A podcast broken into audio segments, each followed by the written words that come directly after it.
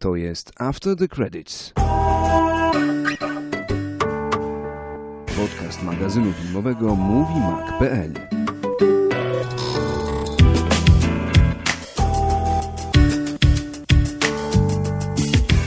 Touch my soul. Yeah. Touch my soul. O Jezu, przestań ten. Ale ty, ty, ty, ty, czekaj. Dina-dina-dim. Dina-dina-dina-dim. Dim, dim. Mm, teraz będzie najbardziej suche z możliwych przywitań, uważaj. Halo Wojtek, czy w odległej galaktyce słychać już mój głos? Muszę popić teraz, żebym mógł, wiesz, odpowiedzieć. Tak, słychać. Wspaniale, Wojtku, miło cię słyszeć. Wzajemnie. Yy, Trzynasty odcinek, moi drodzy, moi kochani, trzynasty odcinek staje się powoli faktem. Trzynasty, yy, trzynastka Szczęśliwy. pechowa, ale u nas szczęśliwa jak najbardziej. Mhm. Czekaliśmy od ubiegłego roku, w zasadzie od pierwszego nagrania, od końca stycznia 2014 roku, już wtedy na zerowym odcinku, jak go wtedy buńczucznie nazwaliśmy i, i wieściliśmy, że filmem roku będzie Przebudzenie Mocy. Nie zdradzamy, czy, czy takie wnioski postawimy na koniec tego odcinka. E, Natomiast faktycznie ten odcinek jest właśnie z tego powodu wyjątkowy, z powodu wyczekiwania. I wyczekiwanego tematu. I, i wszyscy są ciekawi, wszyscy zadają sobie jedno, jedyne podstawowe pytanie, no czy, czy film dał radę, znaczy czy, czy Wojtek przeżył należycie film? I czy jest szczęśliwy, czy część osób, które są Wojtka znajomymi na Facebooku wie już ile razy był, bo prowadził relacje bardzo Na żywo. Niemal na żywo ze zdjęciami z kolejnych seansów, ale Wojtek, no to się, to się wszystko nie wyklucza, znaczy mogłeś być, mogłeś być i cztery razy, żeby sprawdzić, czy naprawdę tak bardzo się mylisz, czy naprawdę tak fatalnie jest, prawda? Mhm. No mogło tak być, niekoniecznie, Mogło być. niekoniecznie chodziłeś yy, dla przyjemności, może chciałeś się ukarać też. Wszystkiego Pięć razy byłem się. w sumie. Pięć razy nawet. Mhm. No to pięć do Jeszcze czterech w środę jest. poszedłem w tygodniu. To pięć do to już się ukryłeś tą piątą wstydliwie. A widzicie, czy jest wskazówka? Coś jest nie tak w takim razie. Wojtek nie przyznał się do piątego seansu chyba. Nie, nie, nie. Nie? Zap- Zapomniałem napisać i napisałem? Może. Albo już się pogubiłem. No nieważne, ale do Gwiezdnych, Woj- do Gwiezdnych Wojen y, przejdziemy. No nie zaczniemy od tego. Musimy sobie Nie. dozować, stopniować napięcie. To będzie la grande finale. Wiem, wiem. Nie, I zaczniemy od zupełnie czego innego. Zaczniemy w miarę tradycyjnie od newsów, ale też musicie mieć świadomość, że w dzisiejszym odcinku jednak duża część to będzie przebudzenie mocy.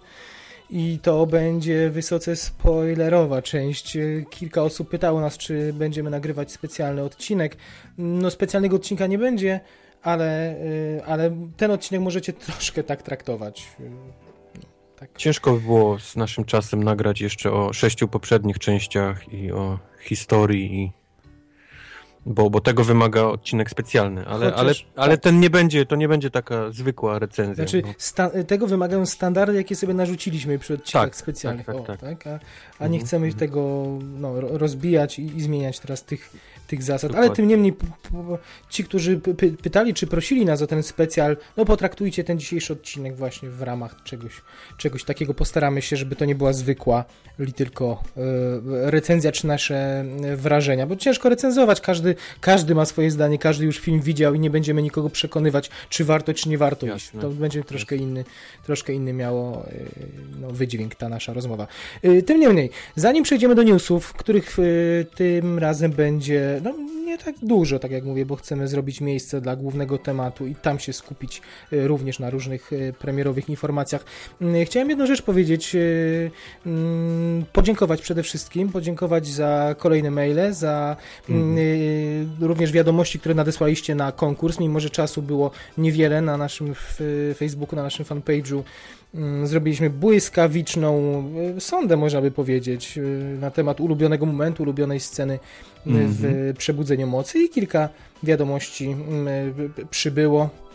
Co zadziwiające, mm, no w niektórych z nich pobrzmiewał jednak zawód, więc nie były do końca odpowiedzią na pytanie, bo miała być ulubiona scena, tutaj te Gwiezdne Wojny to takie, siakie owaki. Idziesz nie? pisać maila na konkurs, a w międzyczasie jesteś, oburzasz się na film i wysyłasz nam recenzję. Tak, ale mamy przynajmniej mamy po prostu szczerych słuchaczy, nie byli w stanie skłamać, tylko Nie, mamy tak, dokładnie. to, co im na sercu leżało, to, to powiedzieli i, i nie omieszkamy się tym z wami również dzisiaj podzielić, ale to też y, dopiero za jakiś czas. Dziękujemy też za dyskusję, która mm, e, chyba mogę powiedzieć rozgorzała na forum, na starym forum Poligami, tam w wątku poświęconym podcastom. E, wymieniliśmy kilka dłuższych wiadomości, dłuższych postów na temat jednego z tematów, które poruszyliśmy trzy tygodnie temu w odcinku 12 e, na temat tego, co się działo w teatrze we Wrocławiu, mm -hmm, naszego mm -hmm. nowego wicepremiera, ministra kultury. I to było bardzo, i bardzo merytoryczne, i sympatyczne, i, i ja się trochę gdzieś tam otwarłem głowę, mam nadzieję, że innym też, y, inny punkt widzenia też nie zaszkodził i oby więcej takich momentów. I oby nie tylko na forum, ale też gdyby czasem takie dyskusje na fanpage się przeniosły, to, byłoby to też miło. byłoby by miło, więc to jest jedna sprawa. Y, Wojtek, jeszcze zanim y, te, te wspomniane newsy, podsumowanie roku. Myślę, że o tym też powinniśmy powiedzieć, bo na mhm. pewno jakaś część mhm. osób oczekiwałaby być może po nas, że w dzisiejszym odcinku, w odcinku, ostatnim odcinku mhm. tegorocznym jakieś rankingi zrobimy, jak podsumujemy rok, co nam się najbardziej podobało, sceny, wydarzenia, filmy ulubione, nieulubione, złote rakuny już tam się ludzie domagali, mimo że mówią, że za rok dopiero, tu już. E, ale nie będzie tego na razie. E, I wydaje mi się, że takie podsumowanie roku, jako że jesteśmy podca podcastem transoceanicznym i mhm. E, różne daty premier również nas obligują, i, znaczy uniemożliwiają nam obejrzenie jednych filmów, e, tych czy innych w danym terminie, i myślę, że nagramy takie podsumowanie na koniec, podejrzewam, stycznia, początek lutego, kiedy będziemy mieć już po prostu te filmy Oscarowe obejrzane również. Tak. I zamkniemy wtedy ten rok. Yy, przyjmijmy tak, że daj Boże, jeśli uda nam się i będziemy nagrywać yy, i zrobimy wszystko, żeby tak było przez kolejny rok i, i, i, dłużej, to przyjmijmy, że w wypadku After the Credits ten rok kinowy to jest właśnie od Oscarów do Oscarów. Okay. Myślę, że tak będzie naj... Brzmi nieźle. Najsensowniej, bo w polskich podsumowaniach wymienia się zawsze filmy, które miały premierę w Polsce, czyli musielibyśmy jeszcze Birdman, wracać do Birdmana, o którym mówiliśmy na poprzednim no tak. podsumowaniu, do Foxcatchera, to się wszystko mija z celem, a nie moglibyśmy mówić o The Revenant, bo nie widzieliśmy jeszcze zjawy, więc y, a, a, a chcielibyśmy też uwzględnić. A, a screenerów nie oglądamy. A screenów nie oglądamy i o tym też chcemy właśnie powiedzieć, że yy, no nawet jakaś recenzja się pojawiła na w jednym miejscu. W komentarzach. W komentarzach, tak. ale nawet nie czytaliśmy, nie chcemy się sugerować to raz, a dwa, że no, nie jesteśmy za oglądaniem takich rzeczy, takich nie. historii, które powyciekały przed nawet, premierą. Nie, ja jestem nawet przeciw. Nawet przeciw jest. Zawsze wokalny, jeżeli chodzi o o kradzież filmów. Tak, więc czekamy grzecznie na premierę, y, na premiery w kinach. Y, dlatego przykro nam, nie, nie usłyszycie y, o, o, niektórych premierach, które już niektórzy widzieli po prostu i, i zdążyli gdzieś zrecenzować. No my czekamy na premiery kinowe i no, jedynie co to prosimy o, o zrozumienie. Dla... Za bardzo kochamy kino, żeby oglądać jakieś diwiksy na, na małych ekranach. To, to raz. Z, z, rozmazanym napisem na środku albo na dole. Tak. Ale zresztą, ale zresztą, nawet jakby to była najlepsza jakość, to nic nie zastąpi wielkiego ekranu kinowego. No. Prawdą jest. I na, I na ten wielki ekran y, czekamy. Ja czekam w wypadku wielu filmów, a Wojtek już y, tu zdradzę kilka tych topowych, tych, tych, które będą się biło największe nagrody, już widział, no ale jest na, tak dobry, że nie wymusił na mnie, że, że musimy je już teraz Czekam. wpleść do programu, więc mimo, że widział Joy, że widział Spotlight, że widział Nienawistną ósemkę, to to ten worek z filmami Oscarowymi rozsupła się dopiero przy okazji następnego odcinka, bo, bo już wtedy na pewno będziemy po premierze Joy w Polsce, po premierze, e, przypomnij mi ten film o kryzysie ekonomicznym z Christianem Bale'em. Uh, The Big Short. The Big Short, tak. Więc tego możecie oczekiwać po kolejnych e, odcinkach, a podsumowanie roku mniej więcej za, za miesiąc. No, wybaczcie, e, prosimy o wybaczenie tych, którzy już teraz, zaraz chcieliby przed nowym rokiem się tego, tego dowiedzieć. Okej, okay, to były ogłoszenia parafialne. Nie przedłużajmy, możemy bo... Się, możemy się rozejść. nie przedłużajmy, bo to się... Dzisiaj nie zapowiada się, że się szybko rozejdziemy do domu. O nie. No nie, nie, nie. E, tradycją małą naszą stało się rozpoczynanie od filmów komiksowych i tak mm -hmm. będzie też tym razem. W sumie nie powinienem już tego mówić, bo boję się, że ludzi to denerwu denerwuje, ale, ale dobra, to może ostatni raz mi się to przytrafiło, wybaczcie. Doctor Strange, y, świeżynka. Mm, coś, co Entertainment Weekly ujawniło w dniu chyba wczorajszym. Nie wiem, czy to już tak? jest już w kioskach, czy na razie tylko skaner? E, nie, nie, nie, nie, nie.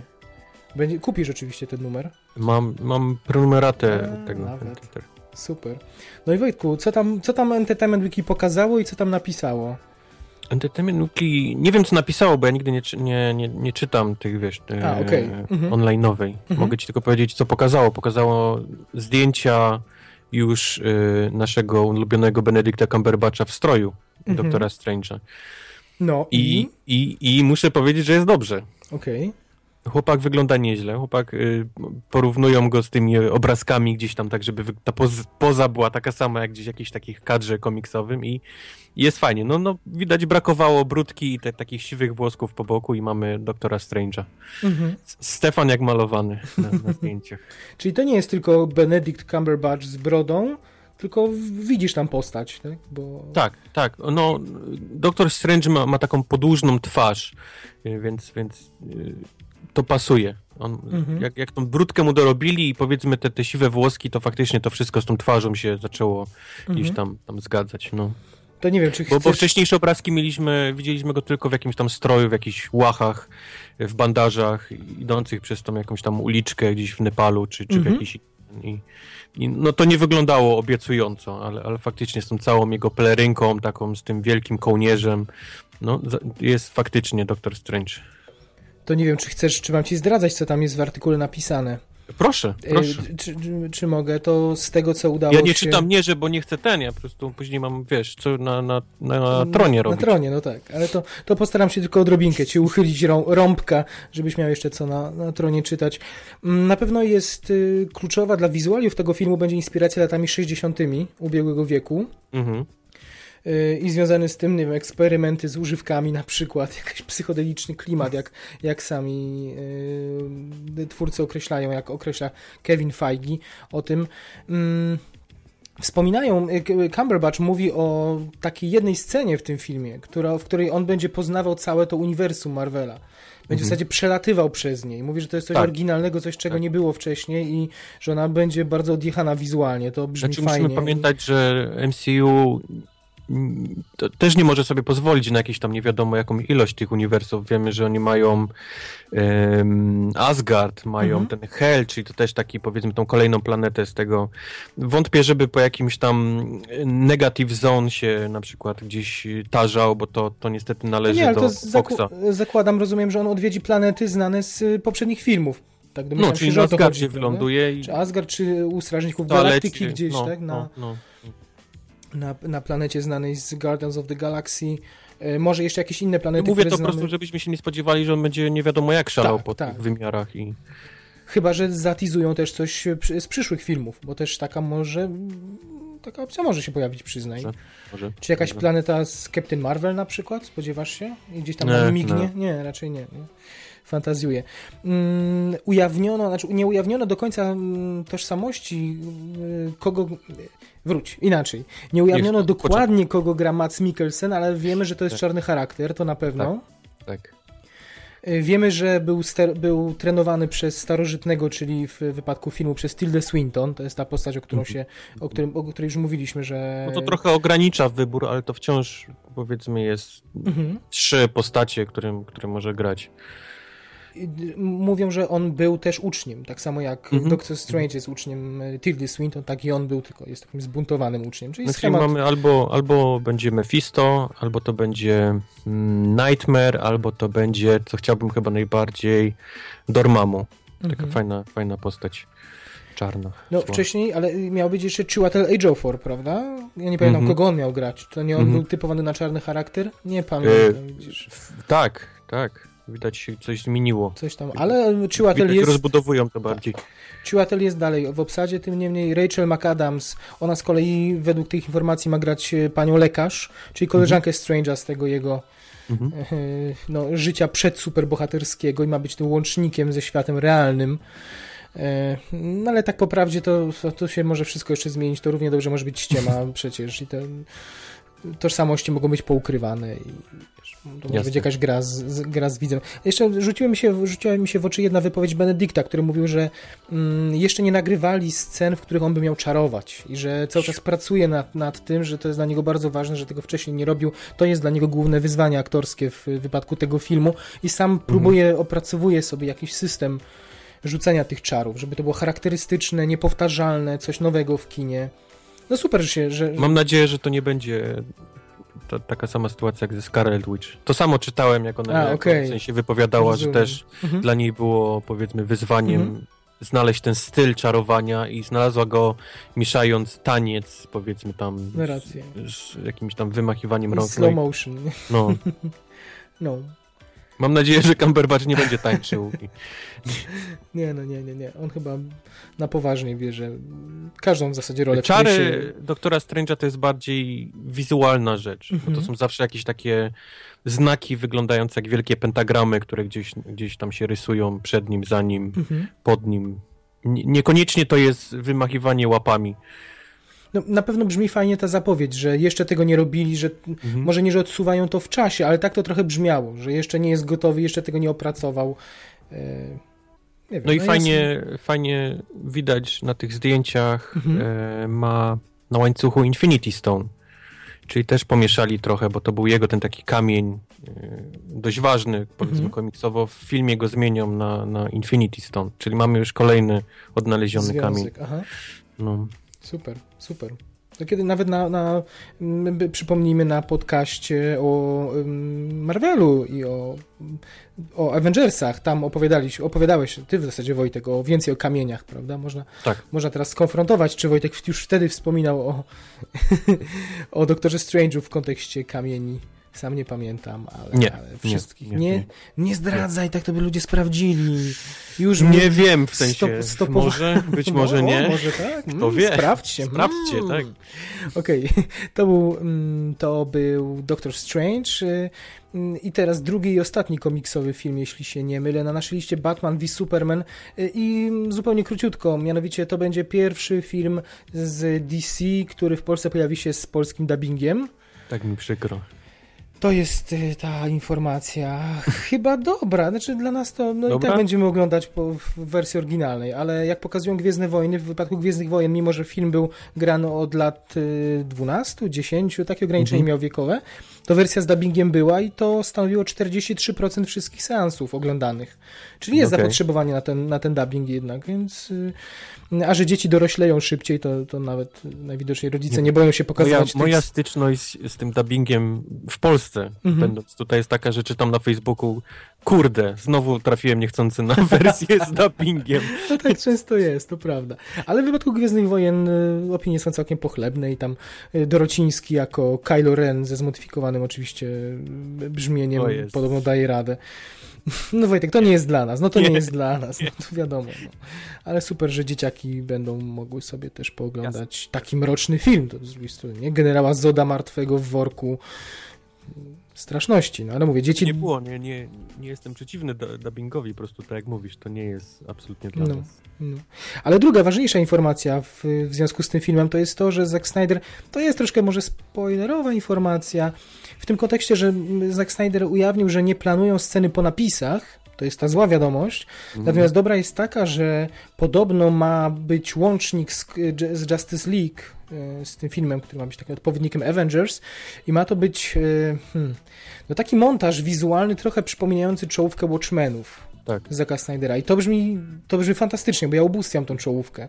Mhm. Y, I jeśli pomyślimy, że tam mieliby być zawarci wszyscy pozostali bohaterowie, o, których jeszcze, znaczy których, o których wiemy, ale nie widzieliśmy, i taka wisienka na torcie, że tam ich poznamy w jakichś y, ciekawych pozach, być może będziemy mogli się doszukać elementów fabuły potem Mam nadchodzą. nadzieję tylko, że to kolejnych. nie wypłynie wcześniej al- albo nie pokażę tego. Chciałbym, żeby to było jednak na filmie. No, no pewnie, pewnie. I to.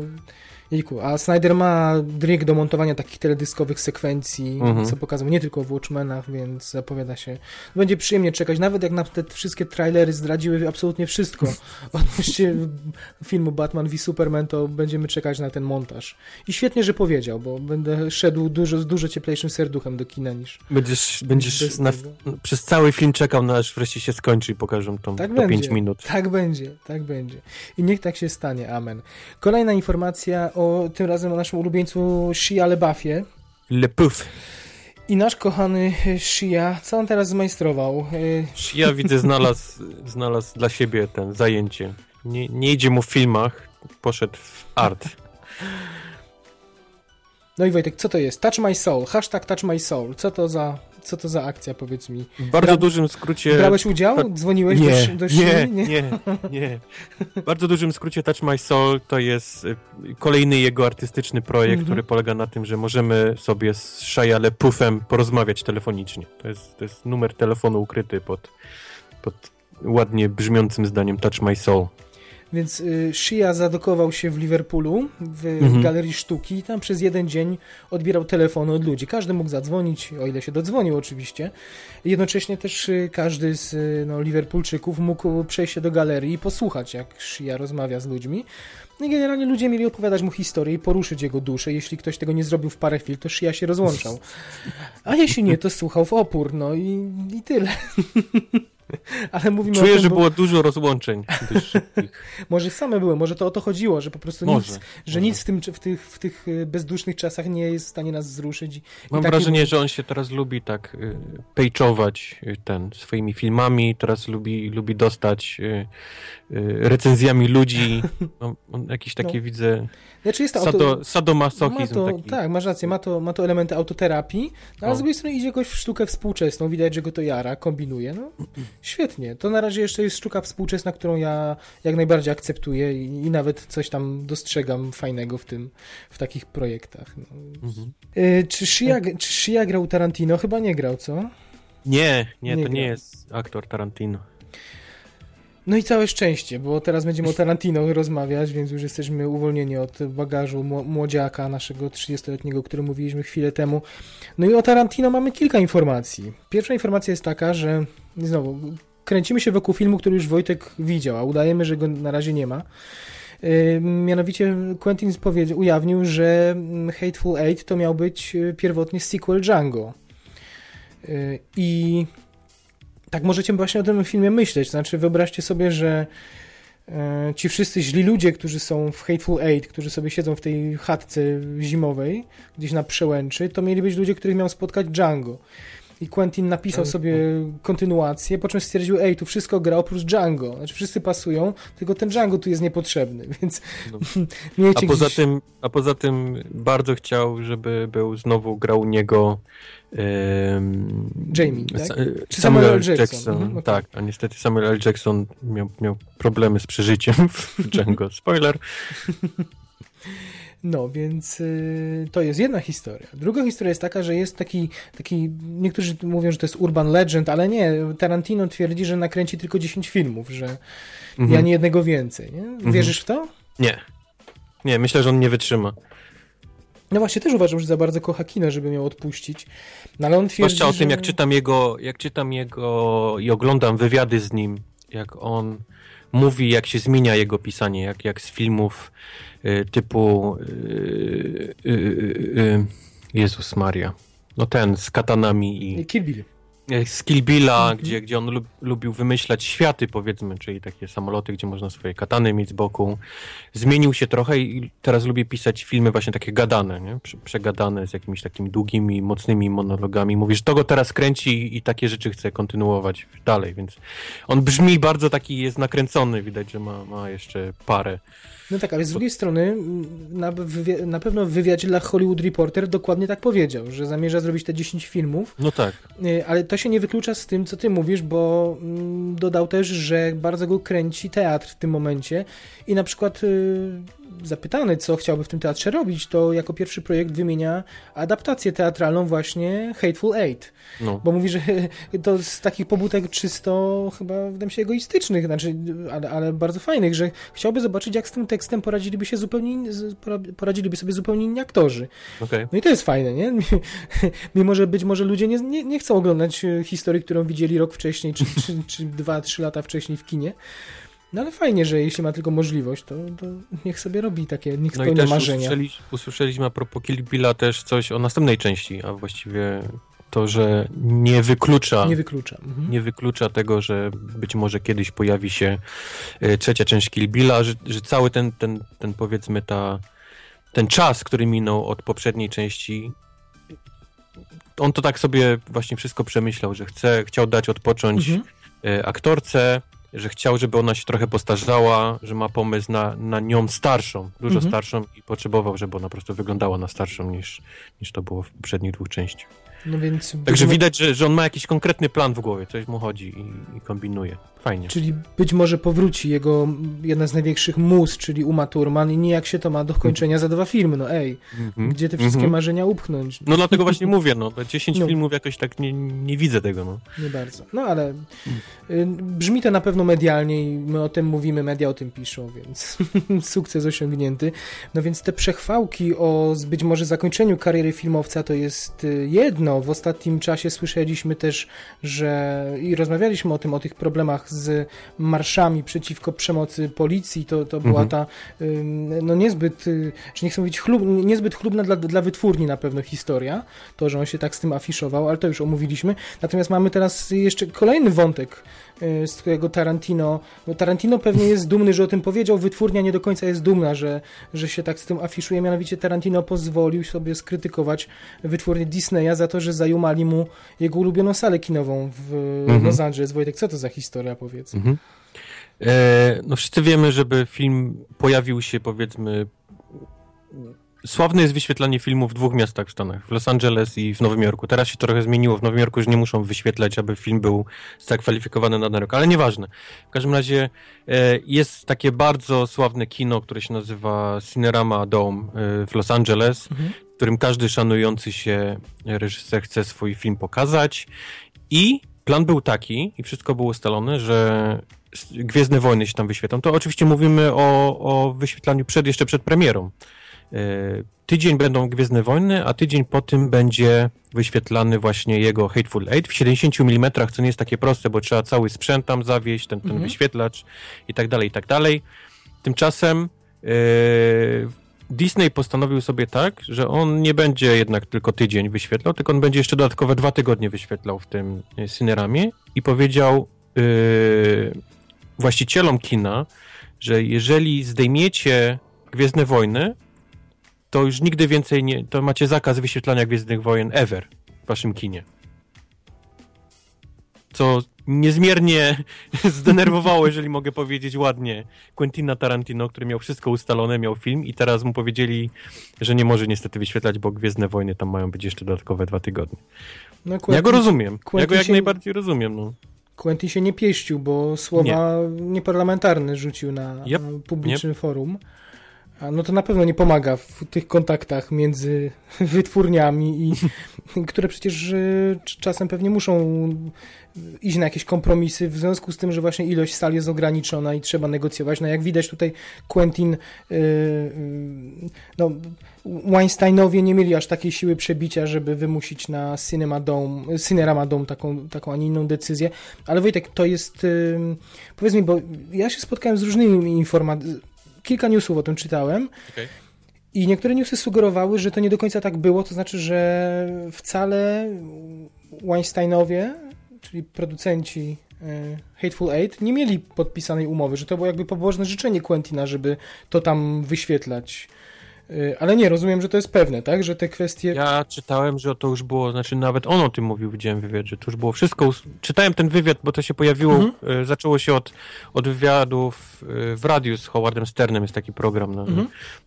I on tam opowiadał to, że już mieli wszystko właściwie zaklepane, był sprzęt, było wszystko. E, Nie wszystkie kina mogą wyświetlać w tym 70 mm, dlatego No tak. to już było ustalone od, od jakiegoś czasu, że, że, że ten film pojawi się zaraz po, po Gwiezdnych Wojnach, że No tak, ale potem pojawiły się informacje, że właśnie Quentinowi nikt nie przekazał, że to tak nie jest, że to jemu się wydawało, że to jest tak świetnie, a tam jakieś kwestie prawne nie do końca były dograne. No ale widzisz, to potem czytałem też dementi tego, dlatego upewniam się, czy, czy taka jest y, słuszna wykładnia i czy mamy y, jednoznacznie żałować Quentina. Czyli żałujemy Quentina jednoznacznie. Wiesz co, jeżeli że został zrobiony w. Bardziej wierzę wkurzonemu Quentinowi, który Mhm. jest w stanie powiedzieć absolutnie prawdę i wszystko, co wiesz.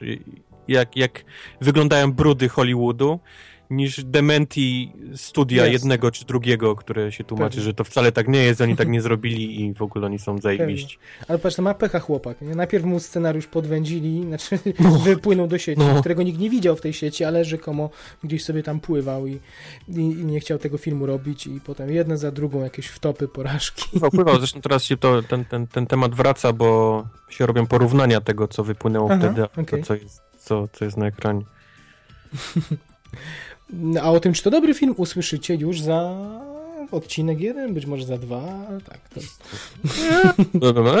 Chyba, że Wojtek już teraz coś zdradzisz. Może, może szepniesz tak, że idźcie, albo nie idźcie. Idźcie! Idźcie, okej. Na 70 mm. Chociaż z tymi Nie, to 70 w Polsce- mm to też jest, Tak? jest, jest temat dziwny. Okej. Nie wiem, czy czytałeś o tym. Nie, nie, nie, ale to zostawmy na, na ten odcinek, w którym będziemy No. opowiadać o, o filmie. My w Polsce nie uświadczymy raczej, nie, nie sądzę. Mm, 70 mm, w kolejnym newsie to również pojawią się milimetry, ale nie 70, chociaż 7, 65. Śre- tak, 65. E, Mianowicie Christopher Nolan, e, tak ni z gruchy, ni z pietruchy Warner ujawnił informacje i to Pamiętacie To tego bardzo- gościa jeszcze? bardzo szczegółowe informacje. Człowiek, który dał nam trylogię Batmana, człowiek, który dał nam A to ten! to ten człowiek, człowiek, który dał nam Memento i człowiek, który dał nam O! dał nam co Interstellar. Jej! Faktycznie! Nie, tak śmiejemy się, bo Interstellar nie ma, ma, ma tylu fanów, co przeciwników, więc nie każdy teraz reaguje na nazwisko Nolan z równą sympatią, myślę, jak, jak my, bo chyba nie wiem, czy się A ja zgodzisz, oglądałem Wojtek, że... ostatnio drugi raz. W telewizji oglądałem Interstellar. Jak? Kilka dni temu. Powiem ci, że podobał mi się bardziej, Bardziej? Niż, niż pamiętam. No. Ja, no ja w ogóle ten film lubię, widziałem wiele razy, i... ale to nie dyskusja, Muzyka, no, muzyka przede wszystkim. Też. No. to prawda. Ale my nie o tym. Ale my nie o tym. My o Christopherze, którego dalej, jak słyszycie, darzymy szacunkiem i te projekty, które podejmuje, bo, bo jest jednym z nielicznych, którym, którym w ogóle daje się ogromne pieniądze na nowe projekty, a nie na sequele, i żeby się mógł wyżyć i, i wyżył się już w kosmosie i mu chyba zaleciał w kosmosie tak daleko, gdzie tylko jego wyobraźnia sięgała, więc teraz schodzi na ziemię. Yy, bo co to będzie, Wojtek, za film? Yy, film yy, Dunkirk, tak? Czyli Dunkierka Yy, będzie, zakładam, polski tytuł. Dunkierka pewnie. Albo. Dunkirk się będzie nazywał po angielsku. Jest to film, który dzieje się w czasie II wojny światowej we Francji, właśnie w mieście Dunkirk i opowiada historię ewakuacji e, wojsk belgijskich, brytyjskich, a także francuskich, którzy są osaczeni przez, przez niemieckie e, siły zbrojne właśnie we Francji. To było chyba z 200 tysięcy brytyjskich żołnierzy, 140 francuskich i belgijskich, także to jakiś ma być ogromny, ogromny, Będzie epicko. Aha. e- epicki tak, projekt. To jest 1940 rok. E, Operacja Dynamo. Operacja Dynamo, dokładnie. Mm, Dowiedzieliśmy się też e, daty premiery 21 lipca 2017. A, I co? I, I dowiedzieliśmy się przede wszystkim obsady, znamy obsady. Znaczy nie znamy głównych bohaterów, bo to będą ja- jakieś młode dzieciaki, czyli Mhm. strategia podobna jak przy okazji Star Warsów, Yep. ale na dru- o drugi plan negocjują kto? Mark Ryless, czyli nasz ulubieniec z Mostu Szpiegów tegorocznego. Mhm, mhm. Kurczę, to będzie gwiazda przyszło, przyszłego sezonu chyba, nie? Dość późno się z nim obudzili, ale to będzie taka męska Alicia Vikander, myślę, albo, albo No nie, Catherine, właśnie, właśnie albo mnie trochę Catherine boli to, że, że odkryto Alicia Vikander i teraz mamy Alicia Vikander w no. Lodówce. Ale to jeszcze pewnie no, na 100% wrócimy do, dzisiaj, do, do, bo te dziewczyny pojawiają się, i Alicia, i Alicia Vikander i Catherine Watterson pojawiają się w co drugim filmie Mhm, teraz, więc na pewno mhm, wspomnimy. mhm. Kto jeszcze? Kenneth Branagh na drugim planie, Tom Hardy też negocjuje rolę. No, Tom Hardy, czyli No musi być Hardy, no. Tak, ktoś ze starej obsady. Być może Marion Cotillard, bo to Francja. Też musi się gdzieś więc na pewno, ale oni już nie, nie wspominają. Więc to będzie taśma, taśma 65 mm, kamery IMAX, tak IMAX, jak wam mhm. już mówiliśmy, na potrzeby mm, Kapitan Ameryki Civil War IMAX skonstruował miniaturową kamerę, także od teraz będzie można bez przeszkód całe filmy kręcić już w formacie IMAXowym i e, to Nolan właśnie ma zamiar uczynić. Będą oczywiście kręcić we Francji, to będą wszystko naturalne plenery, więc y, no, zapowiada się uczta dla, dla oka, co najmniej. A być może też dla duszy, zobaczymy. Fajnie, fajnie go będzie zobaczyć w takim, nazwijmy to, przyziemnym temacie, nie? no. To być może Powiedz też... jeszcze a no, propos y, Krzyśka. Widziałeś, pamiętasz Insomnię? no oczywiście, ubóstwiam. Jak ci się insomnię. podobało, nie podobało? No ja ubóstwiam, ja ubóstwiam Dobrze. insomnię. No właśnie, bo to jest też taki dziwny film, o którym mało kto pamięta. A ja byłem po prostu w niebo wzięty, jak, jak zobaczyłem go pierwszy raz. Y, Jest ta scena w lesie skąpanym mgłą, jest ze mną do dzisiaj, tak No, jak się no. ganiają. No i to wykorzystanie Robina Williamsa w taki sposób, jak, jak w tym filmie. No i hej, jedna z ostatnich wielkich ról Ala Pacino też. Ala no. Pacino, no, dokładnie. no, no wspaniale, no wspaniale. No dobrze, tylko tak chciałem, żebyś wiedział, że jesteśmy na tej samej stronie, jeżeli chodzi nie, no. Wszy wszystko się tu zgadza. Mm, my mówiliśmy o Christopherze Nolanie, więc powiem o aktorze, który grał w ostatnim filmie, więc być może w Dunkierce też się pojawi, kto wie. Matt Damon. Matt Damon tak lubiany za film Interstellar. Tak, tak ludzie wink wink lubią tą jego rolę kosmonauty. Y, Matt Damon opowiada o Jasonie Bournie, o tej nowej literacji, filmie, który mielibyśmy ujrzeć już w przyszłym roku, 15 lipca. Y, I zdradził nam kilka, dosłownie kilka, kilka szczegółów. Mm, Born, do którego ja coraz bardziej pałam miłością, w tym sensie, że że dawno nikt nie pokazał tak pościgów samochodowych jak w Bornie, prawda? Wydawać by się mogło, że Born nauczył nas nowego pokazywania tego typu scen, a tutaj nie chcą ludzie kopiować, tylko ten spektr Eee, musiał zrobić tak, no, przejażdżkę po Watykanie po prostu jakichś dziadków, gdzie miał wzór, wystarczyło skopiować ten styl wizualny z Bornów. To nie, to nie, musieli pojeździć 20 na godzinę po Watykanie z chórami no, no y, kościelnymi w tle.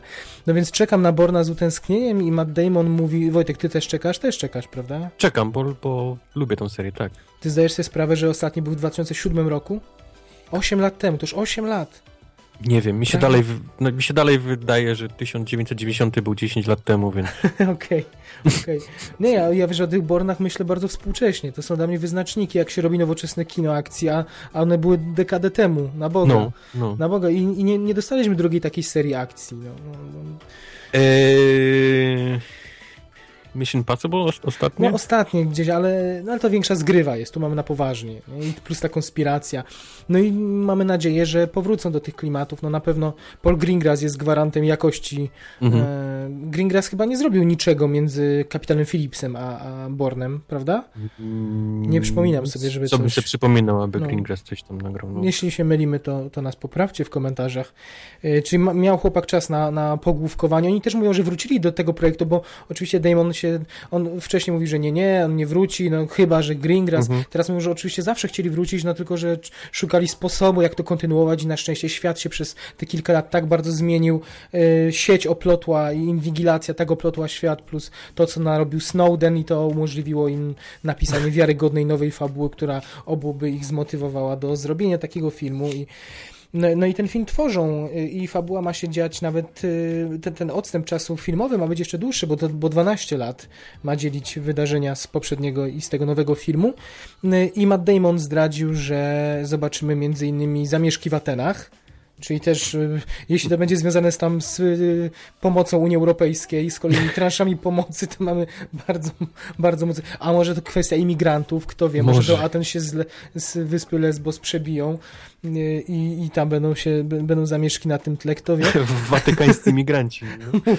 a, a, a, ale, ale mamy też mieć pościg samochodowy ulicami Las Vegas. O, czyli jest pościg zapowiedziany, wszystko się Ale mam zgadza. nadzieję, że to ten, ten ładom, tak jak było w poprzedniej części. No musi być, no musi, musi być. być ładą.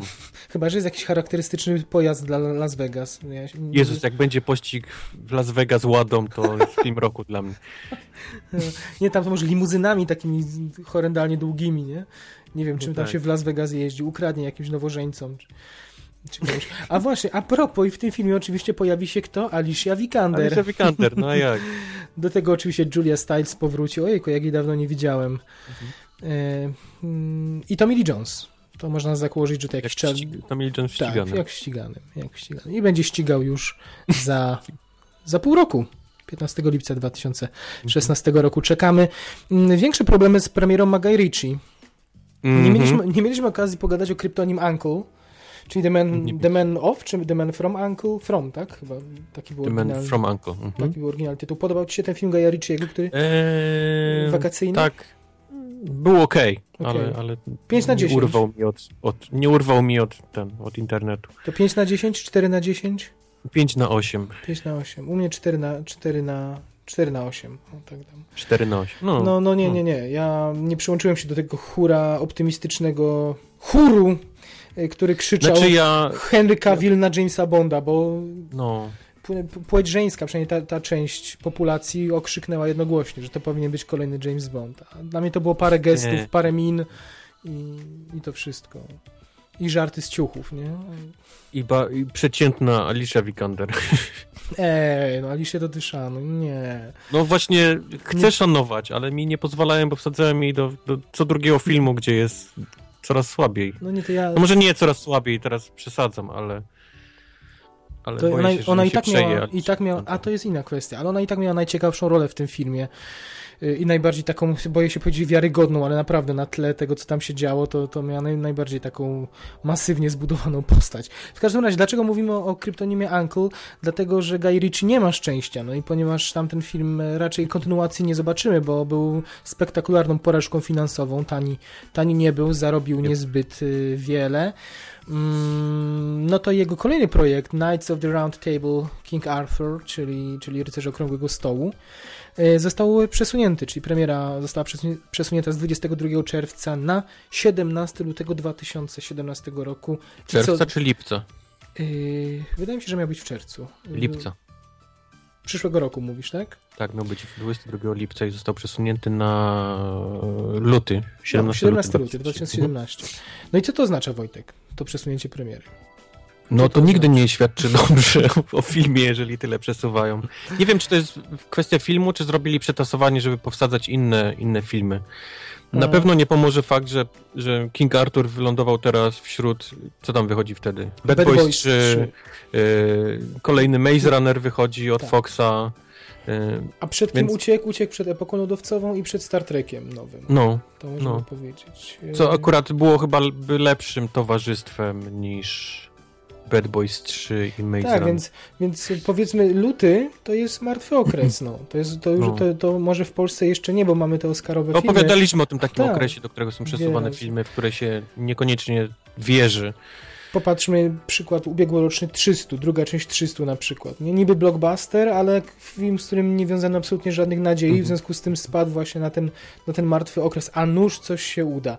No i to nie jest zbyt y, pochlebna wiadomość dla Gaja Ritchie, to po, policzek wręcz. No ale Warner sypie kasą, więc ma prawo przesuwać i wyznaczać daty premiery, gdzie tylko chce. Być może też widzieli już zrealizowany materiał i to też może oznaczać, że nie jest za to- dobrze. Nie? No, no, o tym właśnie mówię, że jest ten okres taki luty, gdzie są wrzucane filmy, które, które już widać, że nie, niestety nie, nie będą zbyt dobre Mhm. i nie warto ich puszczać w, czerwcu czy w lipcu.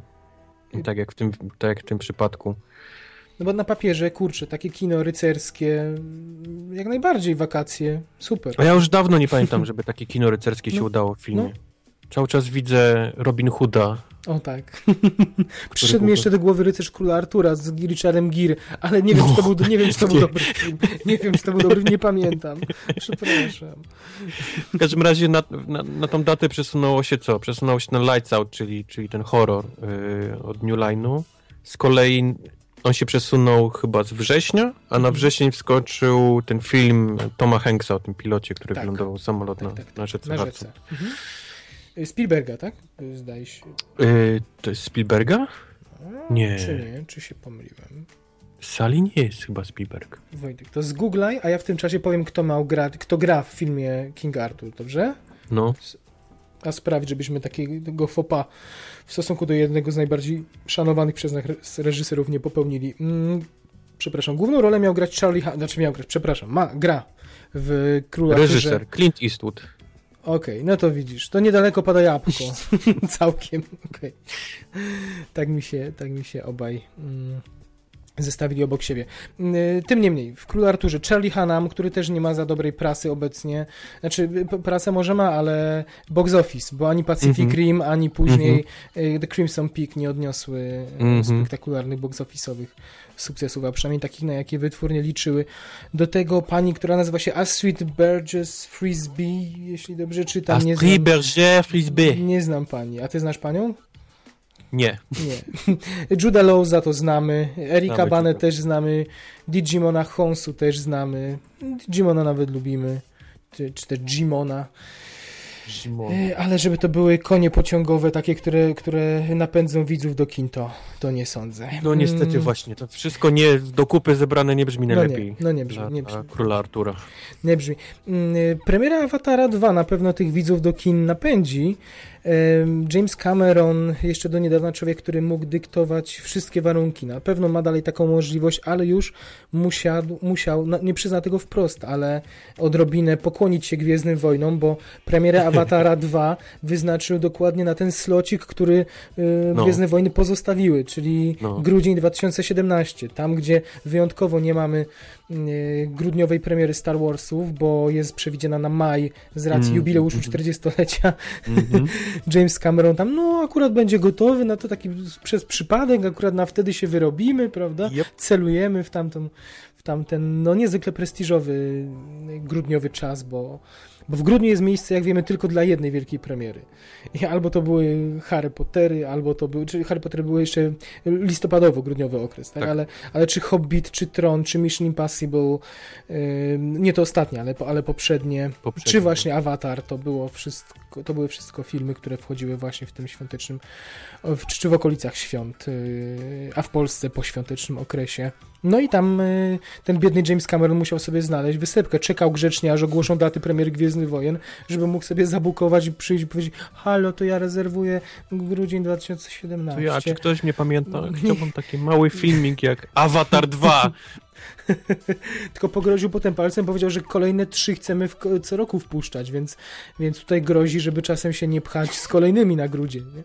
Bo z tego, co, co wiemy, to ten spin-off o Hanie Solo Gwiezdnowojenne też miałby być w maju, więc być może ten termin grudniowy dla, dla mm, Awatara również się znajdzie. Y, No i James mówi tak enigmatycznie, mówi, że scenariusz niby się jeszcze pisze, ale tak naprawdę jest napisany, no ale jeszcze nad nim pracujemy, ale wszystkie plany, szkice koncepcyjne, projekty są już albo zrobione, albo w, w trakcie tworzenia. Czyli, czyli troszkę tak jak się współcześnie tworzy to wysokobudżetowe kino i, i czego kuriozalnym e, finałem był Peter Jackson, o którym mówiliśmy nie tak dawno, że scenariusza nie ma, ale cała reszta jest już gotowa i czeka Kręcimy. tylko na, na wejście i kręcimy, tak. No ale James, e, James sobie raczej na fuszerkę nie pozwoli. Znaczy, to, co w jego mniemaniu będzie znakomite, dopiero mając tak znakomity scenariusz, mówię w jego mniemaniu, bo nie każdy scenariusz Awatara najbardziej zastanawia to, Lubi. to, że on czekał tyle lat, żeby technologia dogoniła jego pomysł w kolejnej części. No właśnie, ciekawe w ogóle ile jest z tej deklaracji, ile się, ile się No. ostało, nie? No, Bo on tam się... W... po czym jak technologia dogoniła niby teraz, to nagle ile widzą? Trzy, trzy części? No, tak Już będzie kręcił? rok po roku, No. trzy naraz i rok po No. roku. No. No. Bardzo dziwne to jest. Tak samo czas, w którym nagle się pojawia informacja o tym, na pewno czekał na datę Gwiezdnych Wojen, ale na pewno nie pomaga też fakt, że, że Gwiezdne Wojny biją, y, znaczy jeszcze nie biją, ale zaraz pobiją Awatara w box office, więc, więc czas podkręcić ten ogieniek pod Awatarem kolejnym. No ciekawe to będą, ciekawe to będą, bo to są, by nie mówić, yy, i to jeden i drugie, i jedna i druga seria to, to jest, są filmy adresowane do podobnego widza, Mhm. więc Mhm. yy, no, będzie ciekawy ten korespondencyjny pojedynek box office'owy. Yy, Dobrze, kolejny temat, który mamy na rozpisce, ale wiesz co Wojtek, ja go chyba pominę, wiesz? Ja świadomie powiem o co chodzi, ale chyba nie chce mi się o tym gadać po prostu. Tak? No, chcieliśmy wam opowiedzieć, znaczy Wojtkowi przy okazji nakreślić, jak wygląda sytuacja z finansowaniem filmów w Polsce i o tym, że w końcu udało się powołać, e, co jeszcze dwa tygodnie, trzy tygodnie temu, kiedy nagrywaliśmy, nie było takie pewne, ekspertów do Polskiego Instytutu Sztuki Filmowej, którzy opiniują produkcje, które mają dostać e, z budżetu e, Mhm. tego Instytutu dofinansowanie. No i e, jakoś ta ten, na, nasza nowa władza nie kwapiła się z zatwierdzeniem tych ekspertów. E, A kiedy w końcu przesłała listę, to tych e, proponowanych, któ- których otrzymała, jakby proponowanych, to dopisała tam paru dziesięciu i, i zaczęły się dziać niezłe cyrki, bo niektórzy z tych dopisanych okazywali się, to byli publicyści, a nie eksperci od filmu. Publicyści, którzy e, oczywiście sympatyzujący z tym obozem, którzy mówili, że wcale się na tej liście nie chcieli znaleźć albo znaleźli się przez pomyłkę, więc były wystosowane oświadczenia, że to była pomyłka, oni byli wykreślani. Do tego są, są nagle ludzie, którzy mm, na przykład pan reżyser filmu Smoleńsk, pani, która gra młodą dziennikarkę w filmie Smoleńsk, także tam chyba cała obsada i ekipa tego filmu jest, zostały ekspertami. Eksperci, tak? Pani od mgły, czyli dokumentu o Smoleńsku, no to się wszystko układa w taką A, niepokojącą a. układankę. Okej. I chyba tyle, no. I chyba nawet nie chcę mówić, co on o tym sądzę, no.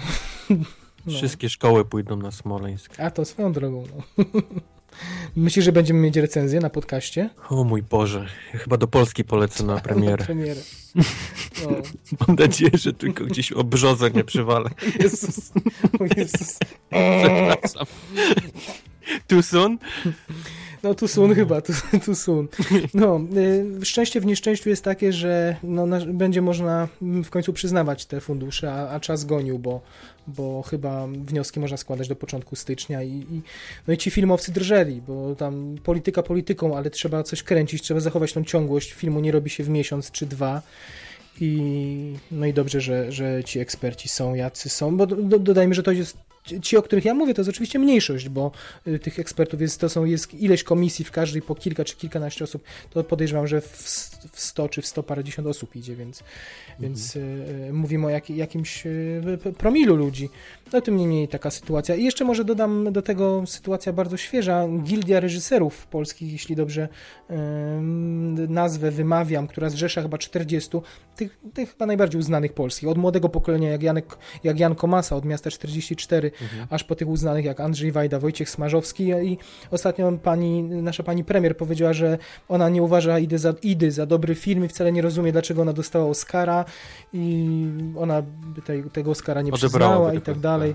Prawidłowo. E, no, więc, więc ta gildia wystosowała mm, taki dokument, w którym no, wyraża zaniepokojenie, że, że ktoś w ogóle w ten sposób e, raczy się. Jeszcze powinni Wajdę zamknąć w więzieniu w ogóle, jak już Szczególnie za film o Wałęsie, prawda? Tak. Za film o Wałęsie i za to, że po polsku mówił na rozdaniu tak, tak, tak. Więc takie ciekawe historie około filmowe też się dzieją. Naprawdę wolałbym nie na podcaście o filmach nie musieć mówić o polityce. To prawda. Ale, ale mnie to boli, ale mnie to boli. Dobrze, ale to już y, polityki dość. Y, słuchajcie, impreza, o której, z której mieliśmy i relacje, mieliśmy wywiad a propos tej imprezy, no i więc I nagrody. Możemy, I nagrody te właśnie. Rozdaliśmy płytę również z autografem Ramina y, Javadiego i co tu się dzieje, mimo że kolejny festiwal muzyki filmowej za pół roku, to znamy już program i bardzo krótko chciałem wam ten program przedstawić, zachęcić do kupna biletów, póki jeszcze są, dlatego tym mówimy, bo za miesiąc być może biletów nie będzie i po co wtedy opowiadać. przepraszam Wojtek, przepraszam. Przepraszam, ale zaproszenie masz y, aktualne. No ja jak, wiem, jak zawsze, ale... jak zawsze. Y, więc y, co Wojtek w tym roku traci, moi drodzy? Wiemy, co stracił w zeszłym roku, przeanalizowaliśmy to bardzo dokładnie, a w tym roku straci m.in. koncert poświęcony muzyce z filmów Polańskiego i to nie tylko, pamiętajmy, nie tylko tym z okresu polskiego, ale przecież choćby Aleksandr Despla pisał dla niego, czy do autora Widmo, czy, czy do Wenus Futrze, Mm, więc to i tak po cichu liczę, że być może Aleksander Despla się nawet pojawi, żeby pomachać Polańskiemu na, na tym dedykowanym jemu koncercie, mm. więc to jest jedna rzecz. Y, oczywiście nie mówimy, mówimy tylko o tych największych wydarzeniach muzycznych, oczywiście nie chcemy wam, wam tutaj truć mm -hmm. głowy takimi tymi najmniejszymi czy, czy koncertami eksperymentalnymi, a tego też jest troszkę w programie. Mm, gala, na którą, na którą Wojtek na pewno najbardziej ostrzyłby sobie ząbki 27 maja nazywa się Alter FMF John Sounds.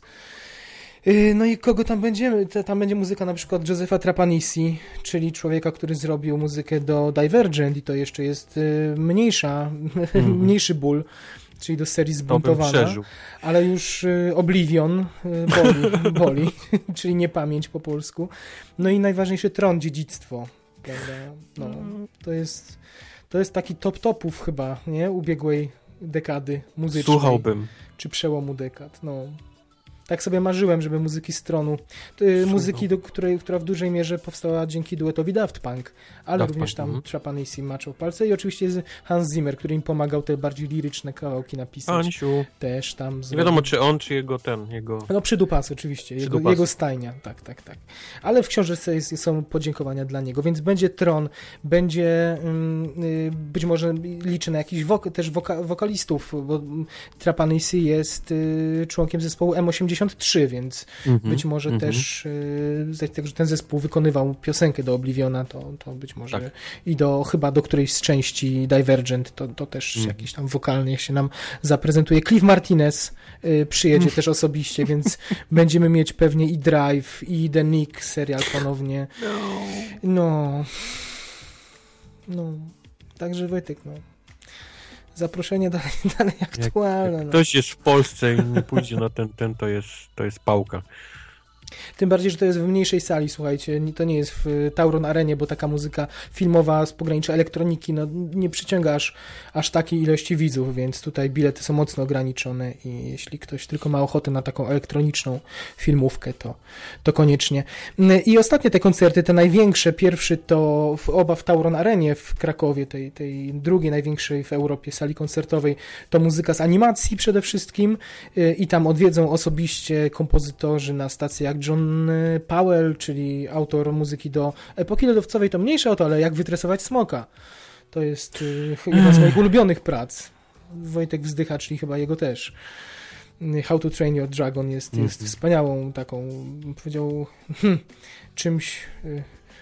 Nie wiem, na pewno opus magnum Powella. Nie, nie, nie wydaje mi się, żeby stworzył coś, przynajmniej dla mnie, coś lepszego, a, ale i dla animacji, wzorem, odnośnikiem, czymś, czymś. ka- Każdy chce mieć muzykę ze smoka. No.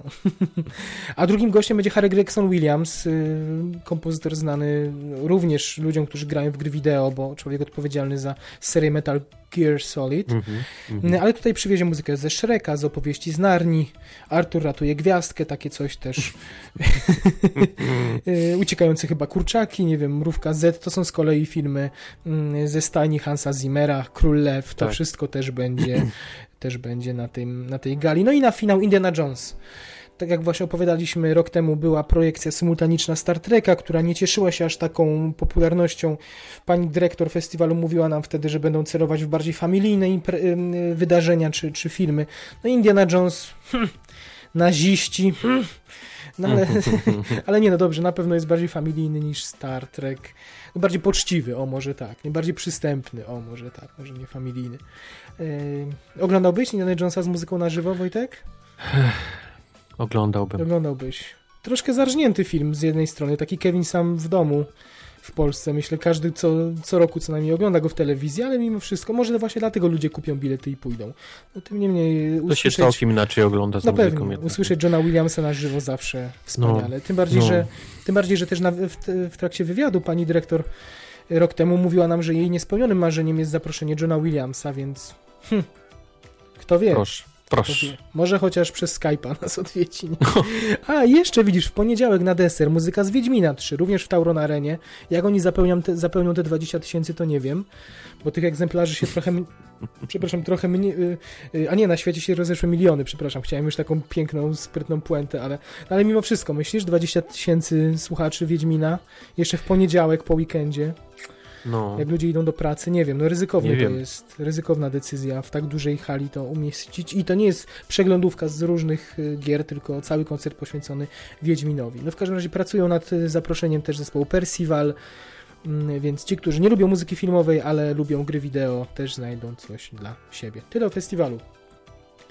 Y, Ale pozostajemy w Europie. Y, No nie możemy nie powiedzieć w dwóch słowach o filmie, który Wojtek Mhm. Wojtka tak bardzo poruszył mm, trzy tygodnie temu, a mnie troszkę wcześniej młodość. Młodość zatriumfowała na europejskich nagrodach filmowych, na nagrodach, które rok temu w zasadzie, przepraszam, w 100% Ida zgarnęła, rozbiła bank. Mamy tutaj powtórkę. Mamy Tym razem powtórkę, młodość. tym razem młodość Paolo Sorrentino, bo i nagroda za najlepszy film, i nagroda za najlepszą reżyserię właśnie dla Sorrentino, dla najlepszego aktora, czyli Michaela Keina. Keina. E, mhm. Do tego Kane chyba dostał y, jakąś nagrodę taką za całokształt. Jeśli się nie mylę, tak, tak, coś takiego. Nagrodę honorową chyba to się To, tak, tak tak, tak, tak, tak, tak, dokładnie. No więc też piękny wynik. Y, Tutaj nasz polski akcent, czyli Body Ciało Małgośki Szumowskiej za montaż y, otrzymało nagrodę. Ale było w A tej to jest jakieś nowe ciało? Nie pamiętam nie, polskiego Body Ciało to mówiliśmy Wojtku na jednym z pierwszych, chyba A, w, ma- tak, tak, w tak, maju. tak, tak, Pamiętasz? Mówię taki trochę skandyna... wizualnie tak, skandynawski tak, tak. kryminał, do tego pani medium, która rzekomo ma kontakt z, ze zmarłymi. Nawet mówię żebyś to obejrzał. Na, nawet taką miałeś, miałeś refleksję, tak. Nie, No dla porządku dodajmy, że scenariusz The Lobster otrzymał y, do tego aktorka Charlotte Rampling. Widziałeś ten film? 45 lat? Nie widziałem. Nie widziałeś. Ja też nie widziałem, słyszałem Nie, bardzo nie. dużo dobrego i boję się, że to będzie trzeba A to nadrobić. leci teraz w kinach i ja właśnie chyba, chyba w tym tygodniu się na to No przejdę. widzisz, no widzisz, u nas, to było, u nas to 100 lat temu było, ja to zlekceważyłem. Tak? To już było? Mi. Tak, to w wakacje wydaje mi się, no i, No, widzisz, to jest teraz u mnie, tutaj leci, no. I, będzie, i będzie problem, a to pewnie tam nomów pozbierał i pozbiera. To jeszcze powiedzmy film animowany Sekrety Morza, czyli coś, co było również y, do Oscara nomino- nominowane w tym roku. Mhm. E, e, e, no i tyle. A, nagroda publiczności. Stare grzechy mają długie cienie. To chyba hiszpańskie coś, coś, co jest teraz w Polsce w kinach.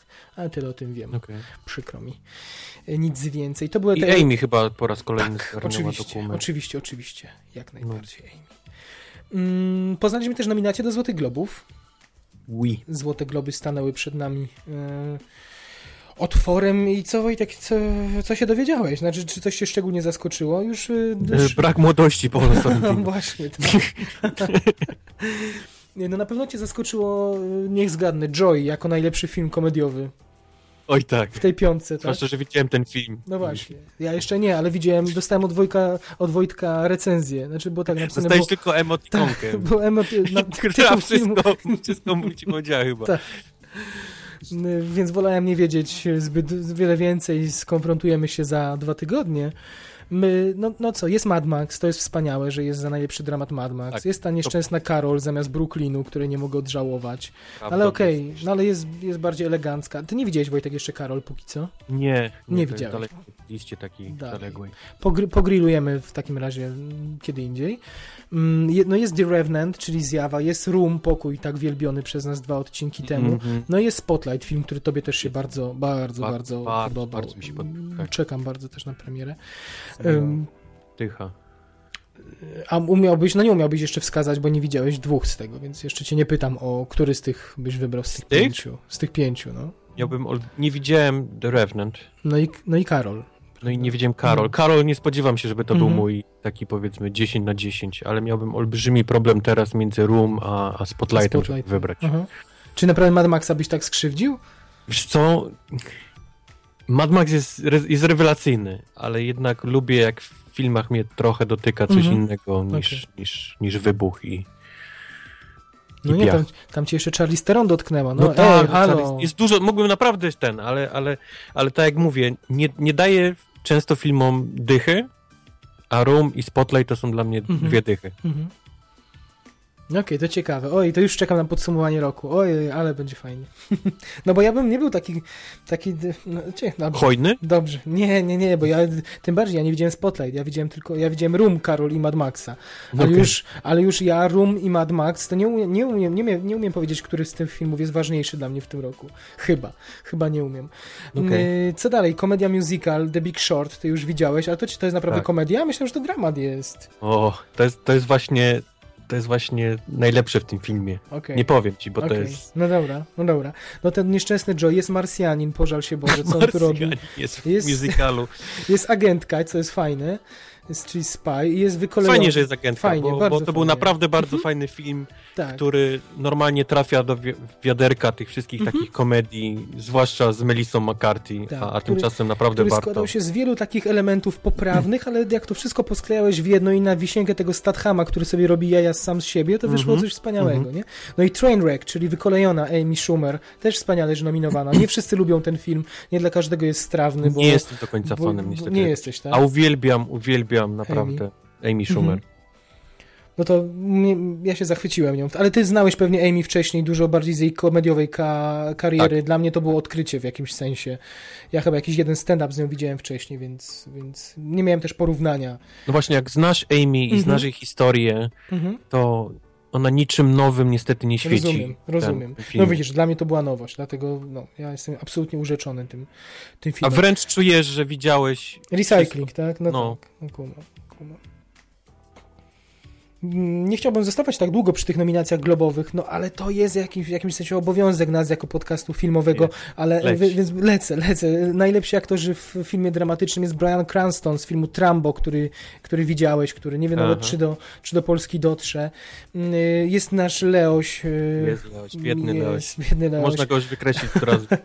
No ale czy ja wiem, czy w, czy w konkurencji z Fassbenderem za Steve'a Jobsa, który w, Stanach nie był, nie był tak popularny. Eddie Redmayne za Danish Girl, który też, też głosy są różne. Will Smith za film Wstrząs. O tym filmie bardzo mało wiem w ogóle.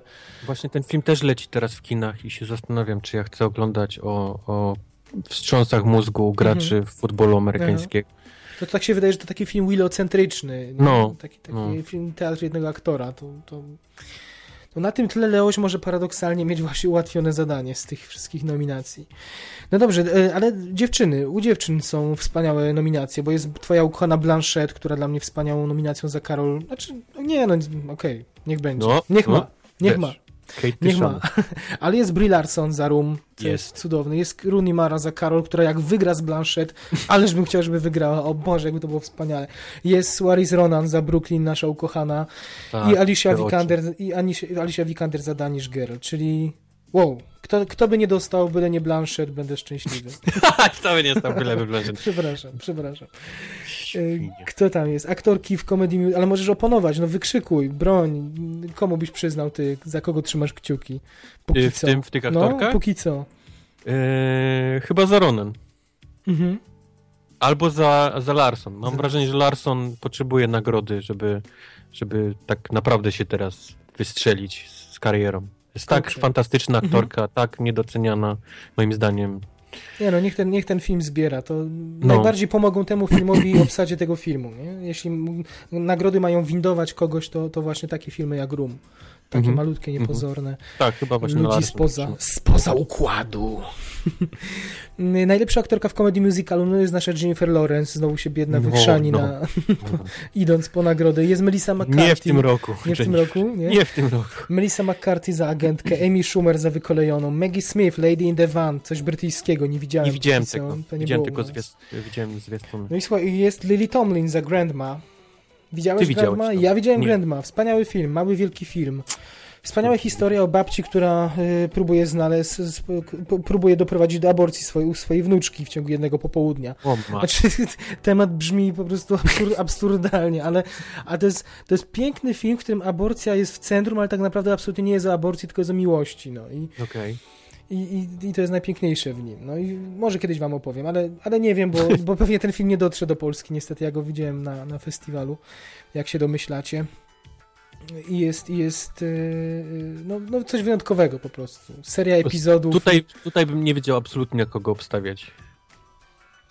No i no, no tak, tym bardziej, Nie że... Schumer, nie widziałem niestety Lady in the Van, y, nie widzę Melissa McCarthy wygrywającą Mhm. Golden Globa za, za Spy, na pewno nie Jennifer Lawrence Mhm. y, i no, no, No Grandma. Grandma boję się, że przeszła totalnie niezauważona i tam po prostu z rozpędu ona nie dostanie, bo nikt nie spojrzy w jej stronę. Nie? Meli, Więc tutaj Melis- będą rzucać monetą, mam wrażenie. Melisa ma trochę przeszarżowaną tą rolę i te, też No. nie wiem, czy... Może Amy, może jako taki wyraz szacunku dla tej jej pracy, No, który, albo- którą wykonała wcześniej. Boję się, że, że J-Lo niestety Że tutaj znowu. zostanie. Ta. No, byłoby kuriozum, bo ten film ma, ten film ma ile ma? On ma w ogóle 50% na zgniłych pomidorach? Pozytywnych recenzji? Chyba, chyba udało mu się wskoczyć powyżej No 50. daj spokój. No to Chyba co to 51 za, albo 52. co to za wynik? Bożeż ty. No taki film, no. Słuchaj, najlepszy aktor w komedii musicalu mamy Christiana Bale'a, mamy Steve'a Carella, obaj za The Big Short. Jest O. Al Pacino za Idola, to jest ciekawe. Mm, Mark Ruffalo za coś takiego jak Infinity Polar Bear. Infinitely jakiś Polar Bear. Wiesz co to jest? Ja nie mam pojęcia. Nie, nie mam zielonego pojęcia nawet Eksperci od kina od nas, cholera. Skąd to... A, to... a, a niestety wstyd, bo Mark Ruffalo jest, jest świetnym aktorem. Tak. No to niech swoje filmy sprowadza do kina, nie tam. Gdzieś chowa po kątach i potem go nominują tak. nie wiadomo za co, kurczę. No, byle nie ma Damon za Marsjanina. Każdy inny niech dostanie. Niech ten Pacino dostanie. Mimo, że ten Idol to takie poprawne filmidło, ale Tu bym, tu jeżeli miałbym na siłę no komuś dać, że to z Big Short ktoś, tak? Steve Carell. Aha. Niech dostanie, ja za niego będę trzymał kciuki, bo nie dostał za Foxcatchera, więc trzymam Mhm. za, za, za niego kciuki. Najlepsza aktorka drugoplanowa, patrz, jest Jane Fonda za młodość. Jest, doczekaliśmy jest. się za jedną scenę w zasadzie. Za jedną malutką, no dwie sceny powiem. No, ale jedną taką przepastną. Za jedną mocną, No. tak, tak, tak. Jest Jennifer Jason Lee, w końcu pojawia się nam Hateful Eight. Hateful Eight. Mhm. Jest znowu to Trumbo, którego ja nie znam, ty, ty znasz, Helen Mirren. Jest y, Vikander Alicia za Ex Machinę. I jest Kate Winslet dla Steve'a Jobsa. Kate była fajna w Steve'ie Jobsie. Kate Mogłaby- była fajna w Stevie Jobs, tak. Tym bardziej, że, że gra Polkę, więc... Je, go Polska, nie żartuję, żartuję, nie, nie. Absolutnie mnie to nie... Nie wiem, czy Jennifer Lawson Leigh zagrała świetnie y, w Hateful Eight. Naprawdę. Mhm. Jest fantastyczna rola. y, Ale nie wiem, czy bym nie Vikander tutaj dał może. Może? Tak, Machina. tak, tak, no więcej się napracowała niż Jane, Jane Chyba tu Fonda. bym, tu, tu chyba bym trzymał kciuki za, za tą Tak. rolę. Na pewno nie. Wiesz, ja lubię Helen Mirren, ale, ale jeżeli nie ktoś tak. jej nie lubi, Mhm. to ją jeszcze bardziej znienawidzi po, Mhm. po Trambo. I dobiegamy do końca nominacji już powoli. Najlepszy aktor drugoplanowy Paul Dano za Love, Love and Mercy. To jest ten o Beach Boys, o, o Beach Boysach film. Tak? Mhm, To już mówiliśmy mhm. trzy tygodnie temu o tym. I dalej Mhm. pochód tego filmu malutkiego i tego aktora w Polsce już na DVD do zobaczenia. Idris Elba za film w zasadzie telewizyjny Beast of No Nation. Jest tutaj Mhm. nominacja. Jest Mark Reyes za Most Szpiegów. Jest Michael Shannon za 99 Homes. 99 Homes. Y, To też jest, jestem ciekaw tego, ty, ty widziałeś. Widziałem. Y, Ja nie wiem, czy to, to będzie mi dane, czy to do nas dotrze. Sylwester Stallone za Creed Narodziny Legendy. Nie przedobrzyli? Nie przesadzili z tą nominacją, Wojtek? Eee, nie. Nie, tak? No to Nie. wspaniale, to wspaniale. I, i mia- mam olbrzymi problem, czy, czy Bridge of Spies, czy Creed tutaj między Czy nie Idris Elba? Czy nie Idris Elba za Bridge of No Nation? Eee, podobał mi się, ale, ale, ale jednak, jednak, Jednak. Mark Rylance i Sylvester wow, Stallone. wow, Sylwester, ale mnie ciary przeszły. Ja chcę już ten film. Ja No. chcę już ten film, nie? Jest Sylvester Stallone, totalny pustak, jeżeli chodzi o aktorstwo. Tak zagrać. Hm. O Jezus. A, teraz ty musisz prowadzić dalej, bo się rozpłynąłem w oczekiwaniu na ten film. Michael Shannon, naprawdę rewelacyjny w Night in Holmes. Naprawdę świetne nominacje, ale, ale nie Mhm. widziałem Love and Mercy, ale tu, tu Mhm. jednak... Nie, no, ale co, ta, co za nominacja, w ogóle co za kategoria? No, tak mocna, w tym wychodzi, że tak mocna, tak różnorodna, takie nazwiska, po prostu młodość, No. starość, doświadczenie, w ogóle legendy. Super, super. Reżyserzy Todd Haynes za Carol, y, Iñárritu za Zjawę, McCarthy za Spotlight, George Miller, Mad Max, Ridley Scott, co on tu robi za Tu, Marsjanina? tu, George tu jest Miller. tylko jeden ten George wygrany. To- Oczywiście, Tak? No. tak. Ale myślisz, że dostanie? Jak, jak kocham e, Alejandro, Mhm. tak, tak musi George Miller Należy wygrać. się, należy się. Należy Ale pamiętajmy, że Globy przyznaje Stowarzyszenie Prasy Zagranicznej, em, czy dziennikarzy akredytowanych w Hollywood, zagranicznych. Ich tam jest 50, setka, w porywach do setki. To jest bardzo specyficzne grono. Znaczy, to, to Mhm. nie jest tak, że to masz 5 tysięcy akademików, czy 7 się. 7 I- tysięcy. i, i już teraz, prawda? Tylko, No. tylko ja, ja sobie wyobrażam, że oni się nawet mogą zmówić, jak, jak chcą, bo się spotkają na jednym, obie, na jednym obiedzie w jednej sali, Na specjalu na pewno. wszyscy. w jednej, albo w jednej sali Albo przynajmniej na. Facebooku mają grupkę założoną gdzieś. No, albo na wigilii pracowniczej się spotkali gdzieś tam. Yep, Yep, I, i, I wyniki mogą być różne. No. Y, Ale tym bardziej trzeba docenić, że takiego Mad Maxa odważnie udało im się wepchnąć w kilka kategorii i, i trzymamy kciuki. Najlepszy scenariusz Emma Donahue za Room, za Pokój, jest tutaj Spotlight, zakładam, że to film stojący dialogiem, Mhm, więc się tak, należy The. Big Short, y, jest Aaron Sorkin za Steve'a Jobsa, co jest... To są, to są, może poza Rumem, to Mhm. są wszystkie filmy, które stoją dialogiem. No i Quentin, prawda? Tak. Quentin, który jest statem. starcie, dla, starcie dramaturgów, nie? No. Versus emocje, versus rum, versus mięsko. To nie wiem, czy nie będę trzymał kciuków za rum właśnie dlatego, że jest taki Tak? inny od pozostałych czterech, ale ja nie widziałem, widziałem tylko jeszcze Jobsa, więc wiesz, mogę sobie gadać. No. mogę sobie gadać. Najlepszy film animowany, jest tutaj Dobry Dinozaur, ale to bardziej przez to, że, że Pixara się nominuje, bo tak, z automatu. Jest Baranek Sean, z Ja którego kiedyś widziałem żartowaliśmy. Anomalisy, którą bardzo chcę zobaczyć, Mhm. która jest dopiero w Nowym Jorku i w LA wyświetlana. Oni teraz Mhm. patrzą, jak to się ogląda, ale, ale tu chyba nie ma konkurencji, nie? No nie, w głowie się nie mieści Inside Out, to No, jest jedyna no. słuszna wersja. Fistaszki u nas są przedpremierowo już. Widziałeś? To, to chyba też fajna sprawa, Pistaszki nie? widziałem premierę tych ludzi, którzy screenery Mhm. oglądają. A, okej. Nie widziałem niestety w kinie. Ale A co mówią ludzie oglądający screenery o fistaszkach? Podoba się? Wiesz co, ja, Nie, nie czytasz też, nie? Nie. No, te, no ja też staram ja się nie... załamuję ręce, jak No. widzę recenzję ludzi, którzy Staram się nie sugerować w ogóle i nie, nie czytać też, to prawda. Więc fistaszki są pewną niewiadomą, ale możemy głęboko założyć z dużą dozą prawdopodobieństwa, że nie zbliżą się raczej do Inside To na, Out. to bym nawet sobie dał uciąć, wiesz, jakąś tam No to- palca czy coś, że, nie wygrają z Inside Out. Nie, nie mogę powiedzieć o anomalis, anomalisie, bo, bo słyszałem Mhm. naprawdę dużo dobrego, Mhm. ale, ale sam, sam nie widziałem. najlepszy film zagraniczny. Jest tutaj Mustang francuski, który w Polsce dopiero za kilka miesięcy. Ty, Wojtek, też chyba nie masz pewności, czy, czy w ogóle to ci się uda zobaczyć. Nie, na pewno tego nie zobaczy. Jest Chociaż The, może. Jest The Club. To jest, e, ja nie wiem, czy to nie jest chilijski film. Na pewno to jest film o Tak, pedofilii. z Chile. Mhm. E, pokazywany w Polsce. Niestety w tym okresie, kiedy ja byłem na festiwalu i gdzieś no, ciężko było Wiesz co, lecieć ja, na ja kolejny tylko trzymam kciuki, że w końcu Son of Saul, czyli syn Szawła dojdzie do, Żeby do, do do- mnie, do tak. Chicago. No. Taka miała być puenta, że jest jeszcze The Brand New Testament, czyli film, który w Polsce będzie już 1 stycznia, ale jest grany od miesiąca u nas Aha. na wszystkich możliwych przedpremierach, a jeszcze ludziom go pokażą w Sylwestra, udając, że to jest w ogóle Jej. brand new przedpremiera, tylko że od miesiąca, ale już lata. W, codziennie albo co weekend w jakimś kinie. Yy, W każdym razie chyba belgijski film o Bogu, który mieszka w Belgii. Mocno taki chyba obrazoburczy z tego co wiem. Yy, Komedia w każdym razie. Mhm. Więc to ciekawe, że komedia w yy, tych filmach zagranicznych się pojawiła. No ale syn Szawła. No, no, słuchajcie, Syn Szawła. no, No, syn Szawła, no. syn Szawła. Pogadamy kiedyś o tym. jest... Albo, przed, albo przy okazji Oscarów, ale daj Boże wcześniej, jak Wojtek zobaczy, to, to usłyszycie, co mam na ten temat do powiedzenia. A na razie Syn Szawła. No. Najlepsza muzyka, Carter Borwell za Carol. Yy, fantastyczna nominacja. Yy, Aleksander Desplat za Dan- The Danish Girl, czyli za tą dziewczynę z portretu. Yy, To taki Desplat bardzo standardowy. W, Tak? sty- w stylu tego niesamowicie blisko, niesamowicie głośno, nie pamiętam jak to się nazywa. Incredibly loud, extremely loud, incre- A, tak, incredibly tak, tak, tak, close. Tak, Aha, z Sandrą Bull-. Bullock. No, ba bardzo podobne do, do tego. Fajne, ale na Oscara, czy tam Globa, nie, nie, nie. Ennio Morricone za Okej. Hateful Eight to jest jakiś... Znaczy nie chcę To żart, też nie ale, jest na Globa. ale, ale z tego co wiem, to tam Nazwisko ogóle- robi, ale- Robi, no właśnie, ale to są albo odrzuty, albo coś, co, co udaje odrzuty z, No. ho, ze starych No. horrorów, z No. filmu The Thing na przykład. Mm, No, więc y, tam są dziwne, znaczy nie dziwne, dziwne, że to jest w ogóle nominowane, bo mm, trzeba spełnić pewne warunki, żeby być nominowanym. Trzeba, ilość muzyki oryginalnej w filmie musi się zgadzać. I z tego co wiem, to w Hateful Eight tej muzyki było, to na granicy było przekraczalno, przekraczalności ta, ta ilość muzyki oryginalnej. No, cieszy mnie Daniel Pemberton za Steve'a Jobsa, bo to była bardzo fajna muzyka, trochę przytłoczona dialogami i tam prawie nie było słychać, a była naprawdę dobra. Dorównywała miejscami e, Reznorowi za, i, i so, jego Social Network.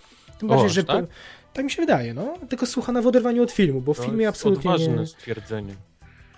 Nie, no ale tak jak, tak jak Reznor nie jest, y, no, nie jest arcymistrzem muzyki filmowej, bo nie, jest przecież No świeżakiem, jest. jest. świeżakiem w tym, więc Pemberton też, też jest świeżakiem. No, korzystają z podobnego instrumentarium, podobnych zabiegów. Y, A wydaje mi się, że Pemberton ma, ma do tego jeszcze trochę więcej smykałki do, No takiej tak, kla- do klasyki. o, o soundtracku, y, mówię oczywiście o The Social, Social Network, Network. który słuchali ludzie, którzy nie słuchają No tak. y, muzyki filmowej tak. w ogóle. To prawda. Ale paradoksalnie ten Pembertona jest chyba jeszcze bardziej przystępny, bo jest tam sporo też kla- takiego klasycznego, znaczy nie sporo, ale jest i orkiestra i jest to, jest to jeszcze bardziej przystępne. Pemberton zrobił też y, muzykę do Men, of, Men from Uncle, Mhm. która też była dobra, więc fajnie jakby nagrodzili takiego młodego, znaczy młodego, takiego świeżaka w Hollywood, ale, ale nie, nie sądzę. Jest tutaj też The Revenant, y, Mhm. Ryuichi Sakamoto i Alva Noto i z tym filmem był podobny problem, bo tam jest Problem, tak łącznie samo. no. chyba czterech kompozytorów i No wtedy, właśnie. jak muzyka, nie da się powiedzieć, kto jest głównym kompozytorem, ale to ten problem będzie przy Oscarach. Naj- Najwidoczniej przy Globach nie ma tego problemu. I na koniec najlepsza piosenka. 50 twarzy Greya, Ellie Goulding chyba, tak? Love Me Like You Do. Jest Love and Mercy, coś, coś z tego filmu o Beach Boysach. Jest See You Again, y, czyli hołd dla Paula Walkera. Jest Simple Song Number 3 z młodości i jest Writings on the Wall Sama Smitha. No, jedyne co mogę powiedzieć to to, że będzie fajnie posłuchać tego wszystkiego na żywo na Oscarach. No. Znaczy jeśli by takie same nominacje będą, ale za wiele innych piosenek za bardzo nie można tutaj nominować. Nie wiem, czy się zdziwisz, czy nie, ale ja bym No. trzymał kciuki za See You Again. No czemu nie? Czemu nie? Muciłem to wtedy w kółko w maju. To nie dość, że było mucone, to jeszcze prawie opłakałem No tak. na filmie, No. jak poleciało. Jasne, jasne, więc czemu nie? Okej. y, to Byle było- nie ze Spectre, błagam. Błagam, nie A właśnie słuchałeś tej ostatniej, y, jakaś piosenka wyciekła, prawda? Y, Która miała Tak. być... y, Kto to, kto to napisał? Jejku, E, jest, e, wypadło mi z głowy. Radiohead. Radiohead. Mhm. Jak Dużo to się- lepsza dużo niż lepsza, The tak? Writings on the Wall. No ja się nie podejmę dyskusji, bo ja lubię Nie dobra, Writings nie mówię, że jest dobra. Mhm. jest ale lepsza. lepsze, ale. Okej, na zakończenie newsów mamy jeszcze jedną, y, jedną historię, mianowicie Catherine Watterson. Catherine Watterson, która okazało się, pojawi się w Alien Covenant, czyli w Mhm. kontynuacji Obcego, znaczy Prometeusza w zasadzie. Czyli co, myślisz, że to będzie taka nowa Ellen Ripley i to będzie dziewczyna na, na całą sagę, na kolejne trzy części? Yy, na to wygląda właśnie. Na to wygląda.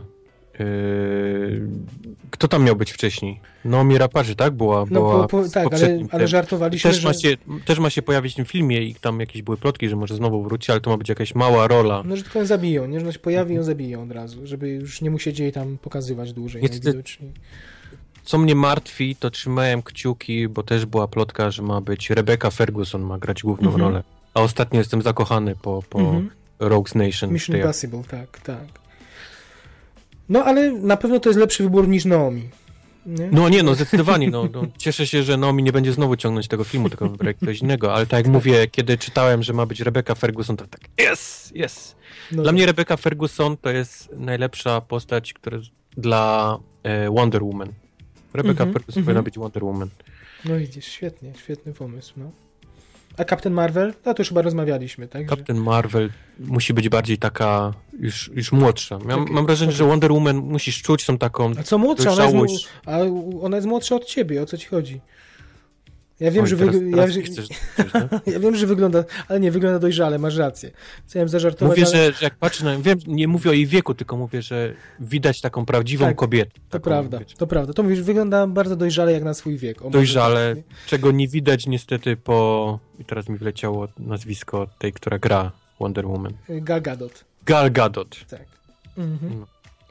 Więc mamy, ma, mamy y, Catherine Watterson w Alienie, o której tylko wspominamy, bo to jest y, taka wiadomość na razie, no, no tyle wiem, nie, nie za bardzo możemy coś powiedzieć. Poza tym, że to jest bardzo dobra aktorka po tych tegorocznych y, premierach, w których ją widzieliśmy i jest taką drugą Alicją Vikander, która jest póki co zatrudniana w każdym Wszędzie kolejnym filmie. No ma potencjał na bycie tą główną bohaterką kolejnych trzech filmów o obcym, jak najbardziej. Jeszcze niech jej skrócą te jej piękne, długie włosy, to, to może wyglądać bardzo, bardzo oryginalnie, a, a Ridley lubi, tak, lubi takie chłopczyce w tej, w tej serii. Trochę szkoda, że to nie jest y, jakaś młoda, nie? Aktorka, nieznana właściwie. Że nieznana, no ale Waterson. Waterson też jest, nie, wiesz, póki co jeszcze nieznana. No, No nie, no, szerszemu proszę cię, gronu. nie, no, no, no, ile, no, przecież, a ile osób widziało Inherent Vice? Ile osób widziało Inherent Ja Vice? widziałem. No, Widziałem nawet taką chujowinę, przepraszam, Sleeping with Other People, byłem w kinie ze znajomymi, też tam była.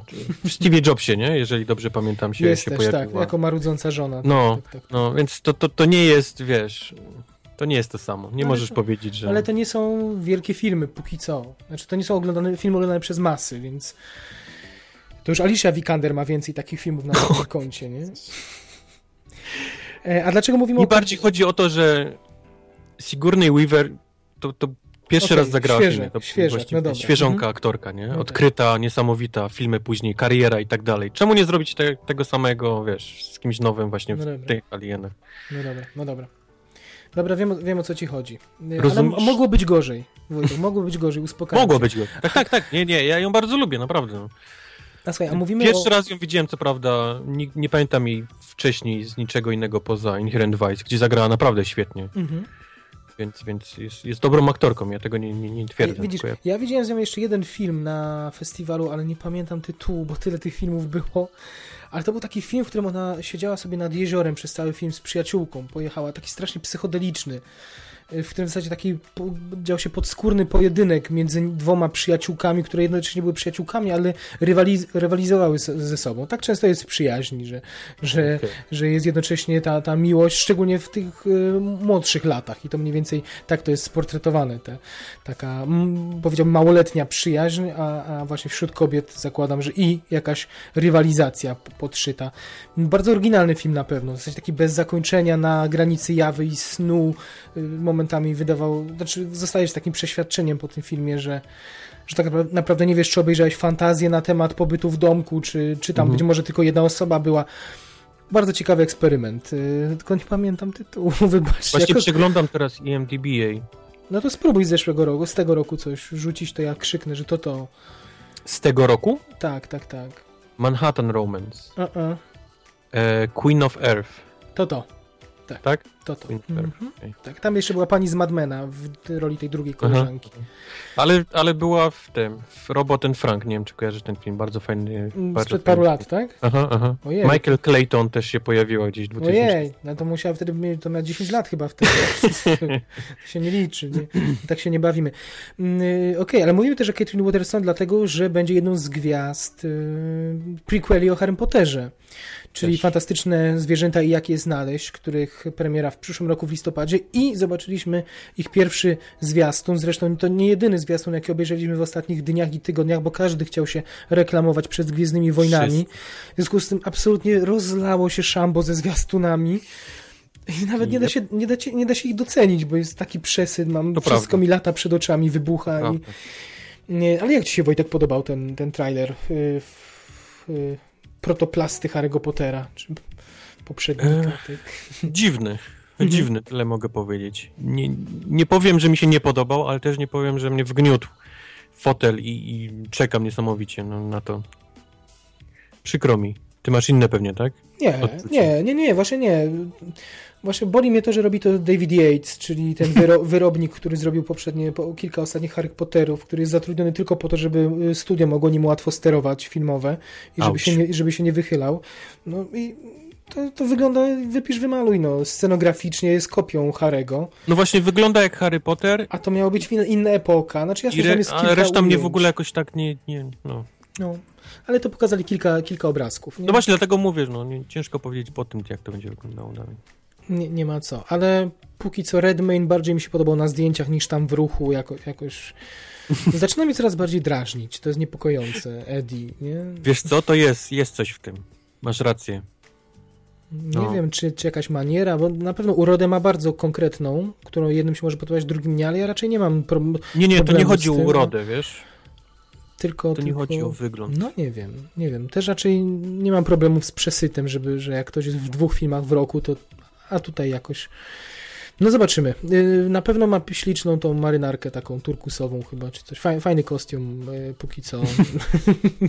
Tyle. Nosiłbym taką, jakbym żył 80 lat temu. Czy tam ileś przed... Jakbyś, w, Przed jakbyś dostał list od gwałtu, tak? Tak, byś- tak, dokładnie.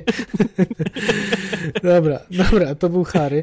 Wojtek, co tam jest jeszcze? Co, na coś zwróciłeś uwagę? Jeszcze jakiś trailer? Star Trek trzeci, podobał ci się? Nie, nie. Taka taniochą śmierdzi, nie? Straszną śmierdzi taniochą. JJ'a Strasz- zabrakło i od razu takie pla plastikowo. Absolutnie koszmarne żarty typu dzięki Bogu jesteśmy razem, po czym znika Spock Mhm. i typowe, nie? Nie, nie? nie wiem, czy miałem się śmiać z tego, czy fatalny dobór muzyki. Znaczy fajny kawałek ten, Mhm. ale, ale czy taki rockowy do, do Star Treków, No, to to, nie jest ten- chyba to, co chciałem ten kawałek, słuchać. ten kawałek, jeśli dobrze pamiętam, on, ten, on jest ukłonem do jednej z pierwszych scen pierwszego Star Treka od JJ'a, w której młody Kirk słuchał A, e, okej. tego kawałka jadąc e, w kabrolecie, ciągu który ukradł. Nic co, nic, co tam widziałem, nie, nie, sprawiło, No tak, ale- że... Bo te Star Treki były takie, co by nie mówić, eleganckie, dopieszczone, takie, y, no taki, to był taki glamour science fiction, moim zdaniem, wizualnie przynajmniej, a to jest taka taniocha, taki Taniocha, no. Fast and Furious trochę, jak reżyser Justin Lin to zobowiązuje, nie? No, Mówi, no. że chciał trochę swojego stylu przenieść, no to przeniósł trochę. No przeniósł, to widać, no. No. Wpadamy pojazdem w przepaść i, i wybucha wszystko. No ale kreski nie stawiam, zobaczymy. Idris Elba tam, było w ogóle widać Idrisa Elba na tym trailerze? Nie. Nie. I to jest ciekawe, a on nie jest tym alienem, którego twarzy nie widać? No niby jest. Naprawdę? No. To mnie boli, patrz. Najpierw ukryli w Gwiezdnych Wojnach Lupitę, Bidule, teraz Idrisa ukrywają. To jest rasizm dopiero. Nie? Czarnoskóra, który nie może zagrać czarnoskórej postaci, tylko ich chowają pod efektami specjalnymi. No, no może to przypadek. No dobrze, Dzień Niepodległości 2. Czekasz? Mhm. Eee, wiesz co? Czekam na Majkę Monroe. No ale fajny to jest. Ej, fajny ten trailer. Znaczy, Z tym, że boję się, że to będzie straszno no to okrutne. będzie straszne, Krapulec. to będzie służ po prostu, jak stopy Znaczy ja bym chciał, żeby to był taki krapulec, Mhm. Że aż będzie fajny, wiesz? No tak, Tak, no tak, pewnie tak. Tak, tak śmiejący się właściwie sam z tego takiego, wiesz, siebie, Mhm. że, że będzie fajne. A mam wrażenie, że oni chcą bardzo poważnie podejść do tematu. Ale wiesz, ale to... A to, a to będzie boleć strasznie. Znaczy, Będzie e- bardzo boleć. Emerichowi też filmy wychodzą śmieszne, przy okazji wszystkie zapewne niechcący, bo on głęboko w nie wierzy. To jest prawda. Ale ja go uwielbiam po prostu, bo on, on przepraszam, raz, że dopracowuje te swoje filmy, nie da się, nie można mu odmówić jakby. Wiem, tak, to Technicznego. prawda, ale nic, co bym czytał z jakichś plotek, z jakichś Mhm. tam gdzieś za kulis, nie brzmi dobrze. Nie no oczywiście, ale pamiętam z nim, wiesz co, słuchałem z nim bardzo długiego wywiadu o, pamiętasz taki film White House Down? Pamiętam, Z, oczywiście, pamiętam. z Czajnikiem i z y, Jamie Foxxem, nie? No, No, ohydny film, okropny film, No, znaczy, straszny, o, no. znaczy straszny, ale tak zły, że aż dobry, prawda, to takie wyświechtane powiedzenie, ale ile Emmerich wkładał pasji w opowiadanie, o tym, on mówi, że przeczytał scenariusz i nie mógł zasnąć. On przeczytał scenariusz, łyknął w, jedną, w jeden wieczór, potem nie mógł zasnąć całą noc, tak mu się podobał, wiesz, jeszcze przed premierą. On tak, on tak wierzył w fantastyczność tego filmu. no ale I potem- widzisz, I czytasz potem to, idziesz na ten film. widziałeś i... film, no. Tak, no tak, No. Ale, ale wiesz, ja czuję ten szacunek dla tej materii, którą on operuje. To, że z tej materii potem lepi kupę, to jest inna rzecz, ale, ale jakoś czuję z nim taką pocieszną więź w tym, co on wyprawia. No. Poza tym druga rzecz, pozbyć się Willa Smitha notatką w stylu kolej zginął w wypadku A tak, lotniczym. no to też śmieszne, możemy to powiedzieć, jest, że to jest, tak. to jest no co więcej, to strona wiralowa się pojawiła. No tak, no, ale wytłumaczyć to ludziom, jaj, no. za- zamortyzować brak Willa Smitha w zwiastunie. No. No Zróbcie, szkoda. wiesz, jakiś, jakiś easter egg, zróbcie Mhm. jakiś, wiesz, No cokolwiek. tak. Ale widzisz, to niemiecka robota po prostu. Ma, porządek ma być. Ordnung muss sein. Tak, bez subtelności. No i zrobił Emerich. Ale jest Majka Monroe'a, to zawsze A ściąga mnie zawsze. przynajmniej do kin. Tak, jeszcze w mundurze z łezką będzie wspaniale. Bo tam Więc- jest, bo tam jest, przypomnę, Liam Hemsworth, czyli Ojej, ojej. z dwóch słabych Hemsworthów ten gorszy. Ale o w samym sercu morza za chwilę. O jest. Wojtuś, Eddie Eagle. Eddie Eagle, mówiliśmy o nim rok Eddie temu. Eagle, Eddie tak. Eagle. Śmia... Ja wtedy mówiłem, za co zostałem słusznie być może skrytykowany, że poddawałem pod wątpliwość, jak można zrobić widowiskowy film o skokach narciarskich. To można, Można. zrobić, czy nie można? Można. Co ten zwiastun Można. pokazuje? Że można, tak? No Oczywiście, że można, tak. fajne te sceny skoków są, to trzeba przyznać.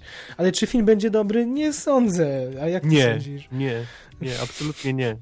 Ja myślę, że po prostu no, cała historia Ediego jest, jest, jest, jest tak głupia, No tak. Że ten film po prostu będzie, ja myślę, że on to czuje i on zrobi wszystko, żeby być głupi. Ale wiesz co, ale ja, ja jakoś sobie ubzdurałem, że to będzie zupełnie inna, że, że to będzie dużo poważniejsze. Że Tak? to. Tak, tak, tak. A to jest taka namarzec komedyjka, obejrzyj i zapomnij, tak wygląda po trailerze. Jakaś czcionka śmieszna, w ogóle muzyczka jakaś, tak, radujmy mnie, mnie się. trochę smuci, że Taron Egerton wiesz, No, trafił no. z, z Kingsmanów niestety do Ediego, bo wróżyliśmy mu lepszą karierę, To a tu, prawda. a, a tu proszę. To prawda, no ale to się jeszcze rozpędza. Mm, Trzymasz kciuki, żeby dostał Hanem Solo, tak by the way? Ej, nie. Taka wrzutka, 10 sekund. Nie. Nie, nie. Dalej, Żółwie Ninja. Drugie Żółwie Ninja. Kolejny trailer, który nas nawiedził. Powtórka, co? Powtórka. No, Mimo, że ekipa inna, to inny będzie to reżyser. samo. To będą sceny, gdzie żółwie w windzie znowu przybijają sobie piątkę albo rapują. To, to jest ten film.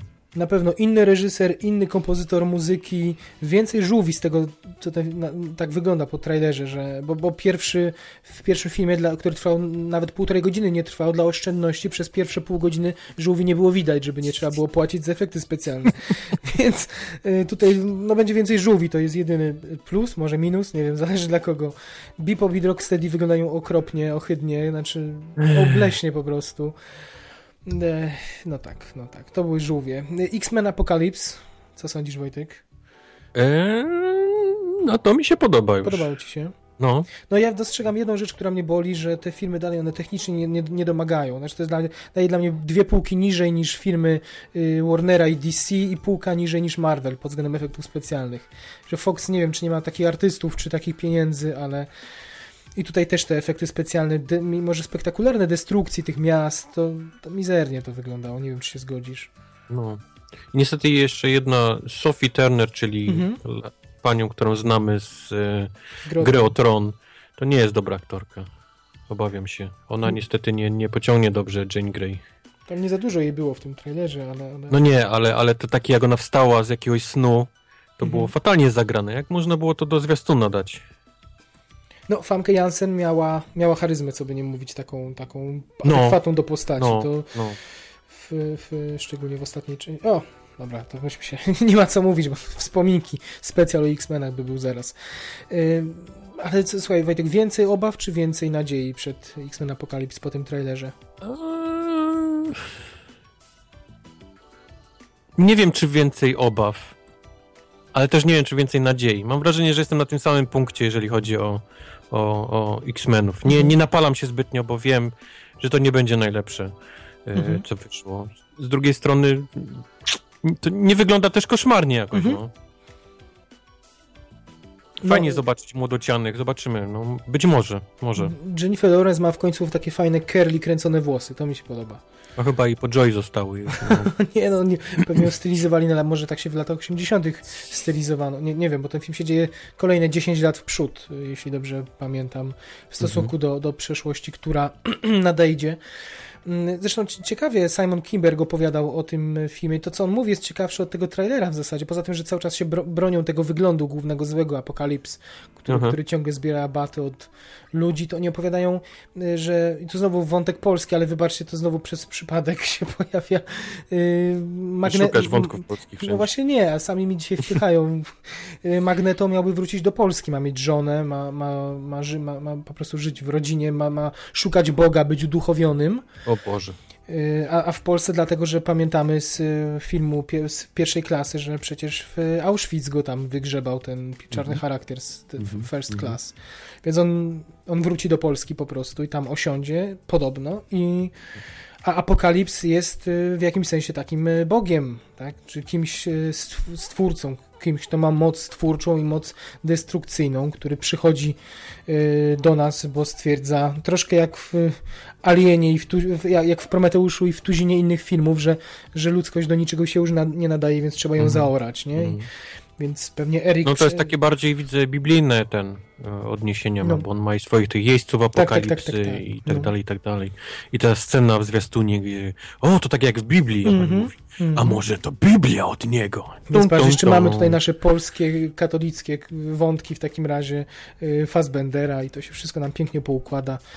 No. A że W Polska ma ostatniej teraz... serii komiksów Magneto Mhm. e, jest, jest dość długo historia jego jako dzieciaka, która się dzieje na ulicach Warszawy, gdzie on O. sobie tam gdzieś biega i między Niemcami się ukrywa. Wow. Ojej. No, No to no. sprawdzę, to sprawdzę. Ale, a że Polska teraz ma produkować podobno więcej patriotycznych filmów, no to mamy pierwszy film patriotyczny X-Men Apocalypse, czyli Michael Fassbender w Warszawie. tak. Znaczy Rozbija się o brzodze lecąc. Eee, Ale tak daleko od tego humoru nie odchodzimy, bo Deadpool, ostatni z tych trailerów, które się ostatnio pojawiły. Podoba ci się ten Deadpool? Ja mam trochę, Nie. mam trochę przez. No, no, no, no właśnie. No. Nie jest No. za dobrze, prawda? Chyba, Nie się, jest dobrze. chyba się wystrzelali z tej fajności i czuję przesyt już po tych dwóch trailerach, a tutaj trzeba będzie dwie godziny z nim spędzić. No właśnie tego też się boję, że, że jak tego będzie dwie godziny z hakiem, to, to może być ciężko. Mhm. To może być ciężkie. To jest tak, tak podkręcone, widzę. To jest postać taka na 11 cały czas, ale ja nie wiem, czy to jest dobry pomysł, żeby ją na 11 trzymać przez cały film. Mhm, mhm. No, czyli te takie ujęcia na tyłek, drapanie się po jajkach, czy właśnie jakieś takie... To, to, to, może, to może być ciężkie. No ja, ja miałem ochotę krzyczeć w pewnym momencie, no dawać już mi coś, in... znaczy chcę się dowiedzieć czegoś o tym filmie, a nie w kółko slow motion, w kółko rzucanie do mnie, tak łamanie tej czwartej ściany. No, E, hm. No i ten żart tam, Fajnie było zobaczyć Kolosusa. Fajnie, że ma ruski akcent. Wzięli jakiegoś aktora. Nie znam go zbyt dobrze, Mhm. a to jest jakiś taki bałkański aktor, więc ma ten taki swój twardy akcent. No i- Kolosus był Rosjaninem, więc on zawsze taki miał. I dodajmy, że jeśli oni przypadkiem czegoś nie ukryli, a obawiam się, że pokazali nam fragmenty wszystkich, yy, jakby wszystkich fragmentów filmu, czy wydaje mi się, że nie ukryli żadnego aktu przed nami, jak, jak niektórzy. Wiesz, to wydaje mi się, ja, właśnie no. to jest moja nadzieja, że jednak jest coś że jest więcej. coś, tak? Bo ta scena, to jest wszystko na tej takiej autostradzie, na takim przejeździe. Pamiętasz, to było... Znaczy to ogólnie na autostradach, na tak. Odkąd na, widzieliśmy pierwsze zdjęcia z biegnącego Deadpoola, to jest wszystko ta, ta sama scena. Na, Mhm. na tej, takim, samochody, na jakimś Jasne. takim obwodnicy. Także mam nadzieję, że jest filmiku. coś więcej, a oni nie kręcili tylko na tej obwodnicy tego filmu, bo, a, bo to no to, straszne. to ja ci powiem, co mnie się wydaje. No mnie się wydaje, że to miało na tyle mały budżet mimo, mimo Oj, wszystko, tak, y, tak. że i kręcili to w Vancouver. Mm, Że bodaj. to będzie wszystko na tej jednej obwodnicy. Że to jest finał, że tam to będzie, to będzie origin, tam przez godzinę będziemy poznawać jego ori, origin, e, zanim się stanie A to Deadpoolem. prawda, bo jest jeszcze Origin, zapomniałem. Jest tym, tego w tym zwiastunie tyle tych scen z, z tego przed tym, zanim się stało. No jest, Albo jak jest, biega bez jest. kostiumu i przeżywa, że wygląda jak mapa Juta. Albo nawet gorzej, jak jest zwi- zwiastun jest ten zwiastun przeznaczony do kin, gdzie mówi chyba, że wygląda jak mapa Juta, a jest ten zwiastun dla dorosłych, którym mówi, że wygląda Przez jak 10 coś minut innego. ten, tak. No. I no i tego się boję, że to będzie Origin, Origin, Origin i potem scena na autostradzie, dziękuję, dobranoc po filmie. no, no. Miałem duże, większe ten, jakieś oczekiwania, a ten, ten zwiastun mnie zgaził strasznie. Wpuścili jakichś chłopaków do Co, piasku, co jest dziwne, bo, bo przynajmniej mój Facebook wybuchł radością Aha. niesamowitą, że, że to będzie film roku nawet ktoś No to- tam pisał. No to zawierzmy im, oby, oby oni mieli rację, a nie, a nie my. Straszyliśmy, straszyliśmy na początku, że dzisiaj wyjątkowo mało będzie tych wiadomości, no bo przecież temat y, odcinka jest, y, może być tylko jeden. A wyszło, wyszło jak zwykle. Wy Przelecimy musicie, nam, tak, musicie nam wybaczyć. Ale tyle Nie się. potrafimy inaczej. I tak, tyle, I tak lecimy po prostu jak... Wojtek, ale tyle się działo, no sam przyznaj, tyle się No działo. właśnie, najlepsze jest to, że tyle się nie działo. No, ale tak nas nie było potrafimy- trzy tygodnie, nas nie było. To A, no się to tak. zbierało, tyle się nazbierało. No, no. przy tym zostajmy. Ale to już. Informacji tyle. Y, Przechodzimy do polecanek, przechodzimy do premier. Zaczniemy od tej zaległej, która się nami już y, ciągnie i lekko podśmierduje zdechłą rybą, czyli w samym sercu Moja morza. Y, No trochę też Johna Howarda, taki sobie temat wybrał i w samym sercu morza tytuł niebezpieczny blisko by the sea. Broda, Oj, oj, Broda oj, oj. Pita. A czy również tak samo zły, Wojtku? Chcesz tak zacząć, bo ja mogę gorzej jak chcesz. Może Mogę, mogę ci spróbuj. opowiedzieć o tym filmie. O którym? No właśnie o tym. Mogę Y, opowiedzieć, wiesz, Że w samym... skrócie fabułę, No, spróbujmy opowiedzieć ludziom. tak? No, No spróbujmy. więc jest to, jest to historia e, starego Spidermana, który opowiada historię Tora, który zlatuje na ziemię i postanawia być łowcą wielorybów na statku No, ja e, na początku ładnie. lat 19. Szacunek. I tam właśnie z młodym Spidermanem Thor wypływają na, na morze polować na, na wieloryby i niestety jeden wieloryb jest, jest większy cwaniak niż by się wydawało. No i zachęciłeś mnie, powiem ci. Tak? Oglądałbyś teraz? Oglądałbyś? Nie, w ogóle powiedzmy, Ron Howard zastosował sprytny fortel, no bo to jest adaptacja, znaczy to wydawało by się mogło po trailerach, jest adaptacja Moby, Moby Dicka, Tak, czyli tak. no tam klasyka literatury, być może nawet fundament literatury tej Amerykański. amerykańskiej, ale Aha, nie, on aha. zrobił historię autora Moby Dicka, który jako no, młody człowiek poszukuje ludzi pamiętających wydarzenia tego słynnego pojedynku z białym waleń, tak, waleniem, dobrze mówię? Y, Zresztą tam są chyba dwie historie w ogóle zmiksowane i Moby Dick i jeszcze Oj, tak. jakaś, jakaś inna właśnie takiego miściwego, białego Tak. potwora morskiego. No i on poszukuje ostatniej ocalałej osoby, która pamięta. Ocalałej to nie traktujesz tego jako spoiler, ocalałej, bo po prostu był najmłodszy na statku, więc to nie tak, że jedna osoba przeżyła, tylko, tylko akurat młody Spider-Man. To jest spoiler. No, y, Spider-Man przeżył, bo wiadomo, ma szósty Spider-Man zmysł przeżył, tak. No, a poza tym pajęcze był- sieć. był po prostu naj, najmłodszy, więc Tom Holland jest faktycznie w tym filmie, dlatego mówimy Spider-Man.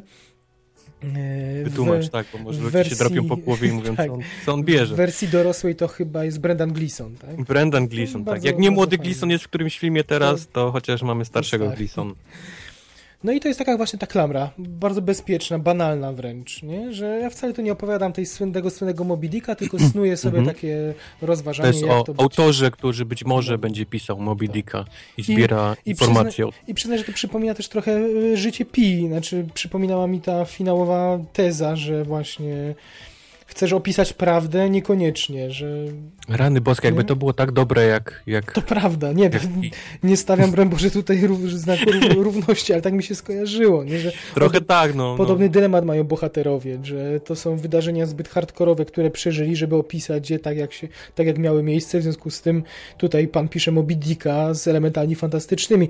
Ale czułeś tą makabrę tych wydarzeń, bo dla mnie to jest jeden z głównych głównych wad tego filmu. Znaczy po pierwsze, że No. on nie ma tożsamości, że on jest No, do połowy jest kinem takim przygodowym, w ogóle chill, płyniemy, jest fajnie, konflikt dwóch postaci. To okazuje się, że ten konflikt, Tak. który Ron Howard lubi te konflikty, bo mieliśmy go i w Rushu, i, i, i w paru innych jego filmach. Generalnie on opowiada o ludziach głównie w swoich filmach i o, o, o ich namiętnościach. I tu namiętnością jest morze, dwóch kapitanów, jeden porywczy, ale nadający się, a drugi flegmatyczny, który dostał po tatusiu, Yep. można by rzec. Tylko, że ten pojedynek ogranicza się do jednej kłótni w kajucie, bo z chwilę później przypływa biały, biała ryba i no trzeba koniec, no oni są już, już przestają się albo kłócić. zewrzeć szyki, bo, bo albo razem, albo, albo nikt nie przeżyje. No. I- no i co, i najfajniejszy jest ten środek filmu, te 15 minut, ale to też jest chwila, moment, jedna scena. Trochę mi szczęki przypominała, bo głównie operowała muzyką, tego moment, były takie długie momenty, że nie było tego, tej ryby widać, tylko gdzieś się czaiła, więc Mhm. więc dalekie echo szczęk. No tylko to, co potem się działo, to, to znowu, znowu zupełna zmiana, zmiana optyki, zupełnie znowu film o czymś innym i, Tak, tak. i mało Trzy interesująco. filmy. Trzy filmy są właściwie w tym jednym filmie i, i jak już się przyzwyczaisz do jednego, który nie jest najlepszy, no bo, no bo nawet to, to co mówiłeś, czyli ten, ten powiedzmy spór między dwoma kapitanami na jednym statku, No, to też był taki, nie? Czułeś, okej, no. wiem, wiem gdzie to idzie, nie? Mhm, Wiem jak mhm. zmierza ten film, wiem o co chodzi. Ten jest niedoświadczony, zaraz, zaraz popełni jakąś gafę, a ten oczywiście ją naprawi, albo będzie, wiesz, wśród swojej załogi wyglądał jak ten jedyny słuszny kapitan. No i oczywiście tak było. Ale później się znowu zmienia na inny film, później się znowu zmienia, a tak jak mówiliśmy, to jest w ogóle film nie o, nie o pływaniu, tylko to jest o zbieraniu notek do książki, więc, więc straszny taki jakiś tam jest bałagan trochę. No, no. I film o przeżyciu, ten, ten, ta ostatnia jakby, ostatni akt filmu, ale jakby problem, który porusza jest przerażający, ale w ogóle mnie nie przeraził paradoksalnie. Nie, no, ten film, ten film nudzi. Powinien, powinien cię, czułem się powinien znudzony. tak, tak, W a momentach, w którym powinienem się trzymać za włosy, mówić, Mhm. ja pierdzielę, No. co się dzieje? Co oni robią? Przecież to, ten trzeci akt powinien nas moralnie po ryju No, strzaskać, no, a, no. a, a ja byłem chłodny, na, na chłodniutko, nie? No właśnie, no, no, dokładnie, I- dokładnie. No, jakoś nie, nie potrafi cię złapać za nic ten film. I Jest tak, symbolem tego tak jest, meh. jest me, o, idealnie, idealnie właśnie. Me. Ym, Pamiętasz te newsy o tym, że Chris Hemsworth, że się wychu, że wy, wy, wychudł do Aha, tego filmu, się, i to jest idealne, on taki wychudzony i poobijany jest przez 5 minut w tym filmie. Powiem trochę... ci, że on, mimo tych wiadomości, że on wychudł, co, co czytaliśmy, Mhm. oglądaliśmy go, jak Mhm, te zdjęcia robił, to wyglądał na tym statku tak, jakby miał się nie zmieścić w żadne drzwi. Oczywiście, Tam, w dalszym oczywiście. ciągu. On był chudy tylko w ostatnich tam, nie wiem, pod koniec filmu przez 5 minut. Poza tym już nie wspomnę o tym, że cała załoga próbuje, próbuje Mhm. e, udawać ten taki bostoński akcent, ten z Nowej Anglii, z, z tamtych regionów, z tamtego Okej, czasu. okej. Chris Hemsworth mówi po australijsku. On, on, on po prostu ma w dupie, wiesz. nie wymagaj od, od, od y, no, no wyrobnika, tak? No, Żeby się nagle, No, no. nagle stał artystą. Fajny chłopak z niego, nie? No, ale, ale... No, jest fajny chłopak, naprawdę. I, i, I muszę powiedzieć, że udało mu się, cieszę się z Torem, bo, bo, bo, bo coś ma Mhm. swojego, ale, ale, ale ten film jeszcze niestety przypomniało mi to ostatnio ten Black Flag, tak? Mhm. Czy Black List? Czy to Y, było takie o hakowaniu okrutnego z początku roku? y, tak, Black... Black Hat? Blackhead! Mhm. No i sobie myślę, oj, o matko. oj Chris, Chris, ty, ty zostań w Marvelu tym Torem, bo, bo No, nie dajesz rady, synu. no. Y, Ten film zresztą... Co sądzisz o zdjęciach, powiedz mi? Chciałem, bo chciałem o tym powiedzieć też, że... y, No właśnie, co sądzisz? Podobało Znaczy ci się? powiem ci, że ma kilka momentów, które faktycznie mi się bardzo podobało. Scena z tym płonącym statkiem, która Mhm. wyglądała niesamowicie. Mhm. Kilka wiadomo takich, takich e, ujęć, gdzieś tam stateczek, zachód słońca i jakaś tam wysepka. To, to jest ładne, to nie może się nie podobać, nie? bo to są takie, takie Mhm. pocztóweczki. Strasznie zdziwiło mnie e, ujęcia kręcone niby GoPro, Mhm. przyczepione do, Ale to, do fajnie, to mi się też podobało, to było fajne. Czy do, do, do, do kotwicy, gdzieś tam takie na, na, na poziomie tam, wody, nie? Jakieś takie, że widzieliśmy Mhm. trochę pod wodą, trochę... To, to było dziwne, tego się nie spodziewałem po tym filmie, Był, to, to, to było zaskakujące, ale, ale ogólnie to tak... eh, Nie wiem. Nie wiem, ten film absolutnie w żaden sposób mnie nie chwycił za, za nic.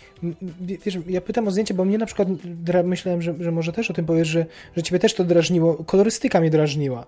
A Znaczy, tak, faktycznie, wrażenie, że... że- zwróciłem na to, mam wrażenie, że był dziwny filtr, raz niebieski, raz pomarańczowy, z, taką, z takim powiedzmy tylko po środku. Miał, Mhm. miał jakiś taki... To ja, Coś- nawet, to ja nawet do tego niebieskiego bardziej powiedział, że taki morsko-zielony, nie? Ale taki jakbyśmy Morsko-zielony przez, przez, butelkę oglądali film, przez taką Tak, butelkę ale, ale to zieloną. był taki jakiś filtr, widać było, że był przez połowę ekranu tylko. Mam wrażenie, że oni chcieli albo kolor nieba podkolorować, Mhm. albo coś, coś tam było, masz faktycznie, Znaczy, masz rację, coś z kolorami było Wiesz, nie, nie Antony, tego. Antony Dodmantel lubi się bawić kolorem i to, ale patrz, to przy Raszu, przy wyścigu to mu Mhm. wyszło na plus. On tam się bawił No. pełną paletą, jak padał, jak padał deszcz było inaczej, w słońcu było inaczej. E, A tutaj on sobie jakąś jedną paletę barw ustalił i walił ten cały film. Ja mam wrażenie, że naprawdę oglądałem e, zielony film, jakbym patrzył przez butelkę i tylko płomienie się odróżniało od tego koloru. Nie? Prawda, prawda. I to było na tak. Ale nawet Hemsworth zagrał dużo lepiej w, w Rushu. Mam wrażenie, że Prawda. lepiej pociągnął ten film No niż... tak.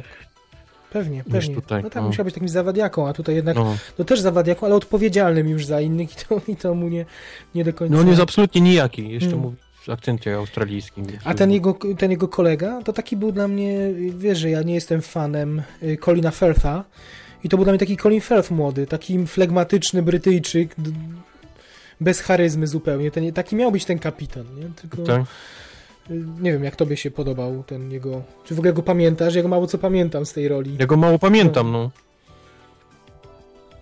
ale, ale też mi działał na nerwy, podobnie jak Colin Firth i no, więc No się nie mam niestety. nie no. spisali. Ostrzegałeś mnie o tym filmie i miałeś absolutnie rację. Muzykę skomponował Hiszpan, Rock, Roque Banos, bodaj tak się, tak się chłopaka powinno wymawiać. To wszystko jest spowodowane tym, że tymi zniżkami. Znaczy, kręcimy film y, w, w Hiszpanii, na Mhm. wyspa, na, na, gdzieś tam na, na wyspach hiszpańskich. Zatrudniamy Hiszpanów, zatrudniamy kompozytora hiszpańskiego, który kompo, musi komponować tą muzykę na terenie Unii Europejskiej, no i dostaniemy, dostajemy spore zniżki, spore upusty A, podatkowe. Okej. No i ten film właśnie tak był, tak był robiony. No wygląda jak zniżka. Tak, Notabene, notabene ten sam kompo, ten kompozytor napisał muzykę zupełnie inną podobną, a potem studio, która się zresztą bardzo podobała Howardowi, a potem Howard miał tyle do gadania, że studio wymusiło, żeby z Zimmerową pojechać, czyli takie RCP właśnie, ta, tą, tą, Mhm. tą z jego Mhm. stajni muzykę, Mhm. wsadzić tam elektroniki więcej i no i, no i tak się stało właśnie. Tam są takie Trochę, sceny trochę, trochę mi smutno, bo, bo jednak chyba oboje lubimy Rona Howarda. i lubimy Rona Howarda i lubimy kino marynistyczne, No. którego jest bardzo mało. No. Gdzie temu do. y, jak on miał? Pani Władca, tak? Master and the Commander z Russellem No. Crowe. Już nie pamiętam. Ten film był 100 lat temu i potem nie doczekaliśmy się takiego kina marynistycznego już. No ale też y, popatrz, nie ma Mm. zapotrzebowania, nikt na to nie chodzi. Jak nie ma Johnego De- Deppa robiące, robiącego z siebie idiotę, to nikt nie chodzi na filmy o pływaniu po morzu. No niestety. Niestety, niestety, niestety. Prawda.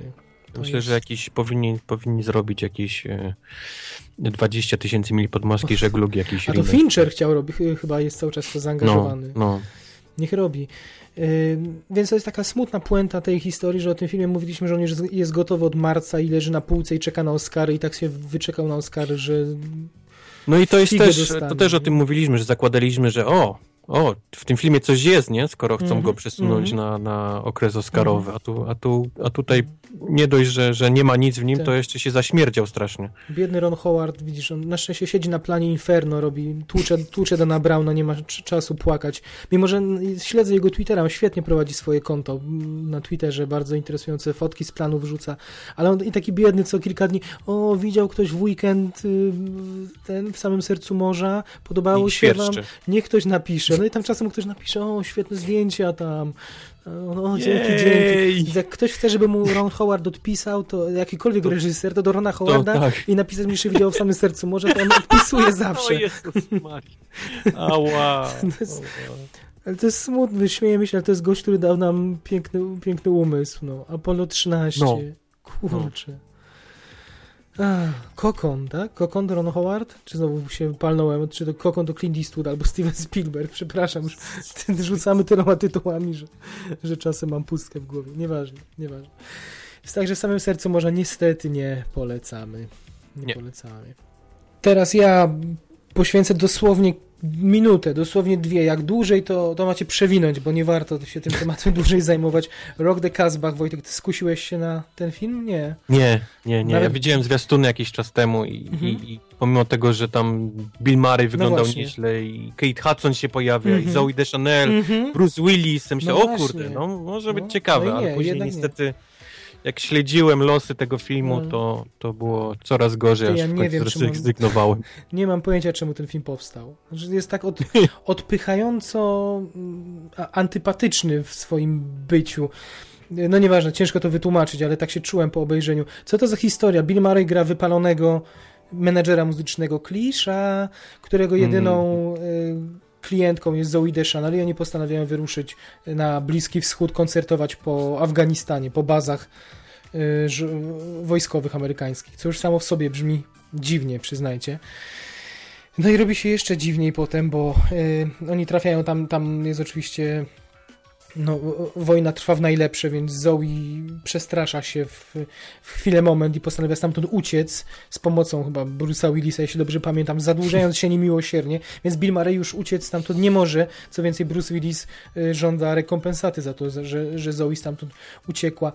I ten film tak się tłucze, nie wiadomo w zasadzie o co tam, jak ktoś nie widział trailera, to kompletnie nie wie o co chodzi. To jest nieśmieszne zresztą, dodajmy. Mm, Ten, ten Bill Murray próbuje tam wymyślić jakiś pomysł, dealuje, próbuje coś szmuglować, dealuje chyba broń, broń gdzieś przewozi, poznaje tą Kate Hudson, która w ogóle w baraku świadczy usługi, y, wiadomo jakie, dla żołnierzy. No okej. Ym, y, tak, ale potem po prostu zostaje jego wspólniczką. W każdym razie jedzie nagle szmuglując broń, jedzie do pasztuńskiej wioski i tam poznaje pięknie śpiewającą pasztunkę. Nie? I ten film nagle się zmienia, w ogóle wywraca do góry nogami i robi się z tego zupełnie inny film, robi się również nieśmieszna, ale już troszkę bardziej interesująca historia o dziewczynie, Podobno na faktach zresztą historii, nie wiem w jakim stopniu, ale gdzieś oparta Wow. na, na, na, na prawdziwych wydarzeniach.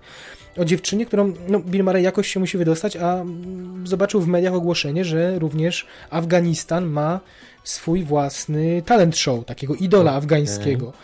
Idola, w którym nigdy wcześniej nie było kobiety i y, zresztą kobiety też publicznie raczej występować wokalnie nie mogą. Ja matko, postanawia... to takie tematy zaczyna poruszać? No i postanawiają po prostu stamtąd, znaczy porwać. Ona mu wsiada, wsiada do bagażnika chyba.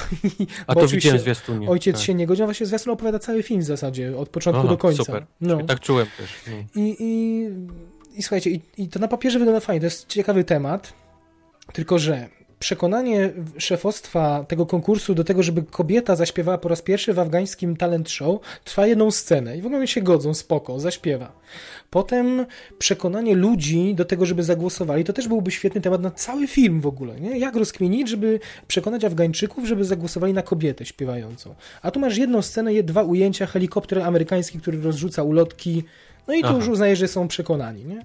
Potem Okej. jeszcze tata interweniuje, gdzieś tam Bill Murray musi jechać, no nie mogę wszystkiego powiedzieć, bo może ktoś akurat, Nie mów. jakiś wielbiciel Mam Billa Murraya, obejrzeć teraz. na pewno. E, jak to zrobisz, to nie wiem, co ci, co ci zrobię po prostu.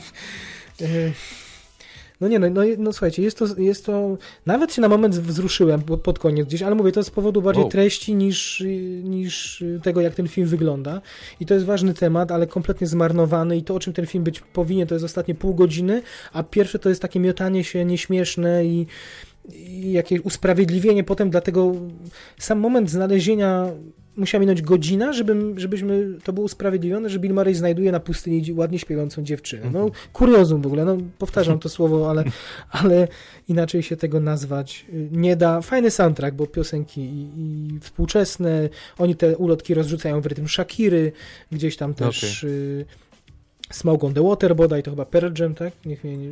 A to też było na zwiastunie, jak on próbuje to śpiewać przy ognisku pełnym tak, tak, jakichś tak, tam tak. Afgańczyków. No, tak? no. Więc y, i, i troszkę w klasykę uderzenie. No to taki jeden z nielicznych Mhm. pozytywów. Tyle, ani słowa więcej. 8, 8% na pomidora. Y, Więc... To jest 1,5 na 7, taka moja ocena. Więc nie polecamy. I nie polecam też filmu, który miał premierę w ostatni piątek. Film Fala, film norweski, film skandynawski, który Wow. krzyczy z plakatu, krzyczy to jest norweski kandydat do Oscara. Co znaczy mniej więcej tyle, że Norwegia wyznaczyła ten film do wyścigu do Oscarów i oczywiście żadnych absolutnie nominacji nie dostała, bo już znamy Szwecja tam... miała turystę, tak? To my będziemy Właśnie, tak, tylko, tylko turysta mówił o zupełnie czymś innym. Faktycznie i tu, i tu, i tu była jakaś tragedia, ta klęska żywiołowa, ale nie, to nie ta liga. Słuchaj, fala to jest tak do bólu, kli, znowu klisza, to bardzo często się pojawia, ale to jest, to jest taki, San Andreas było lepsze, bo to było jaja przynajmniej, to było beka, to było przerysowane, tam był The Rock z charyzmą. A tu masz ciućmowatego geologa, który postanawia przeprowadzić się z rodziną do miasta, z malowiczej wioski. Wink, wink, skąd my to znamy. Brzmi nieźle. No. no. żona nie może mu, znaczy wybacza mu, że on jest tak wkręcony w swoją pasję, czyli geologię, wybacza mu wiele, no ale nie, on zaniedbuje pewne obowiązki, więc pojawia się delikatny konflikt w tej rodzinie, o. E, bo gdzieś tam dziecko zostawia na parę godzin, no bo przecież ziemia się zatrząsła i musi sprawdzić odczyty. To już jest pół godziny filmu minęło, a jego żona pracuje w malowniczym hotelu. Powtarzam malowniczy, bo to jest też ważna, ważny wątek, że on jest geologiem, który bada e, ruchy jakby jednej góry. Znaczy jest fiord jakiś w Norwegii, oni mają, jest baza, w której są zatrudnieni ludzie, którzy badają to, czy góra cały czas stoi. Jedna góra, jeden fiord jakiś tam. Okej. Okay. Który... Masz mnie który oczywiście jak się spierniczy coś tam, no to zaleje, spowoduje falę, która zaleje całe miasteczko i oczywiście to ma miejsce już, już w połowie, nie to żeby to był finał, nie zdradzam finału, to wszystko jest na, na trailerach, zresztą nie oglądajcie tego filmu, to no, oszczędzę wam tego i po prostu wam opowiem, że faktycznie oni to monitorują, faktycznie odrywają się, są jakieś ruchy tej góry, odrywa się część skały, wpada do wody, ta, w związku z tym, że coś wpada do wody, tworzy się wielka, na 80 metrów fala, która leci na i powtórzę to słowo po raz kolejny, malownicze, turystyczne miasteczko, y, w którym do samego końca wartę w hotelu trzyma żona głównego bohatera. Yes! No i potem oczywiście ma minutę na ewakuację. Przypadek? No i ma oczywiście tam 10 minut, minutę czy 10 minut na ewakuację ludzi z hotelu. Oczywiście ktoś tam zostaje w podziemiach. W tym czasie on y, chowa się w samochodzie, uderza ta fala, bo to jest, po, jest w połowie filmu, jest to, to apogeum, to jest ta jedyna widowiskowa scena, na którą cały budżet poszedł. Chociaż ten film jest ładny, bo wystarczyło wynająć helikopter i przelecieć się nad fiordami i no jest ładnie, bo Norwegia jest piękna po prostu. No i potem przez pół filmu obserwujemy, a to ktoś, on łazi po takim, nie wiem, to pewnie w studiu kręcili, rozrzucili, rozrzucili trochę wraków samochodu, więc chodzi z latarką i woła żonę. Potem żona siedzi z kimś, komuś przytrzesnął kamień nogę, no to 5 minut próbuje wyciągnąć nogę tam spod kamienia. No potem się dziecko zgubiło, to szuka w tych ciemnych załóg, takim ciemnym czymś, bo to to jest miasteczko bez prądu i bez w nocy, no to nic nie widać, więc nie wiadomo co to jest, czy to jest tunel, czy to jest otwarta przestrzeń. No leżą wraki, coś tam płonie i on chodzi. Prawie nie rozmawiają. No i tak se łażą, no i tam finał jaki jest, możecie się domyślić. Okropieństwo.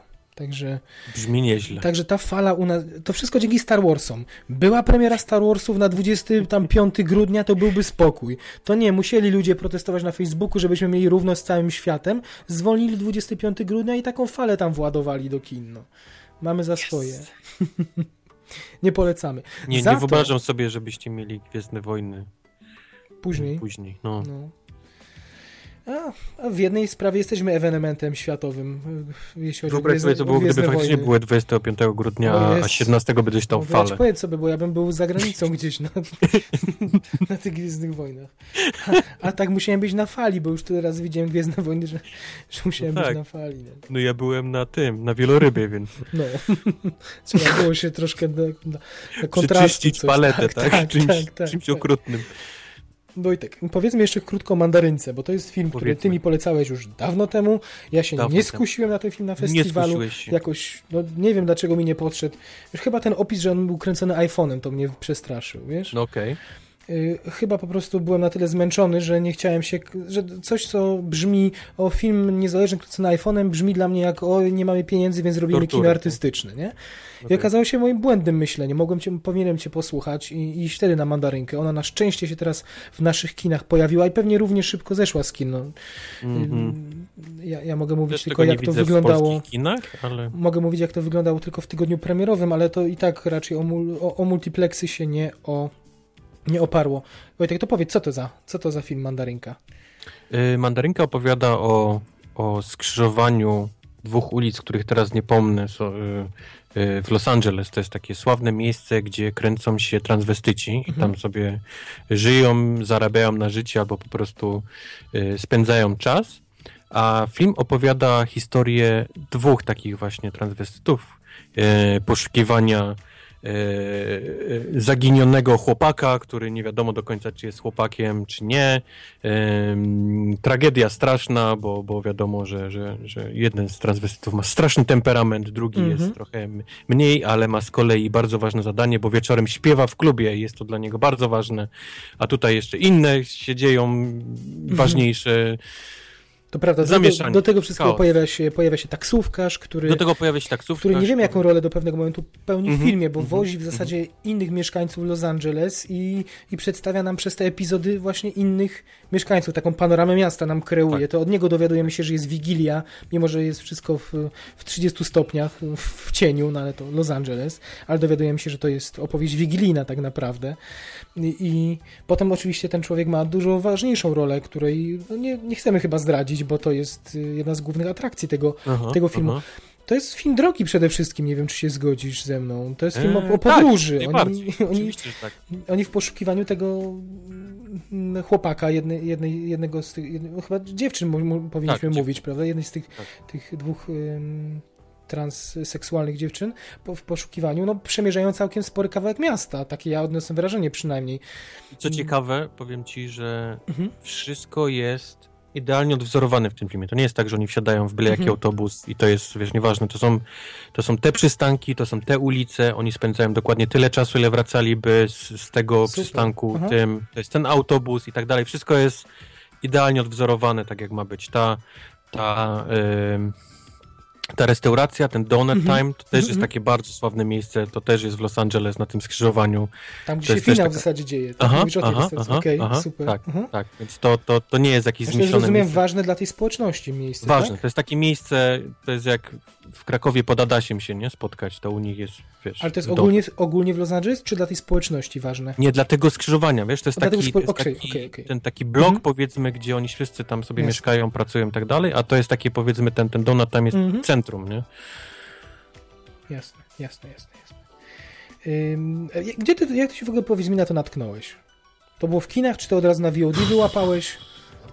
Wiesz co, dużo czytałem o tym i tu już chodziły plotki o tym, że to będzie niezłe i, Mhm. i pojawiło się gdzieś w kinie, dosłownie było wyświetlane w jednym kinie, pojechałem Jasne. na to. Jasne, jasne. Ale to było jakoś wow, już nie mogę sobie przypomnieć, kiedy to było. To było lato, czy to było jeszcze przed Mhm. latem? To już no kawałek temu. No słuchajcie, niesłychana rzecz. Film nakręcony iPhone'em, ale taką pro, postprodukcję tam zrobili, że nie widać tego prawie.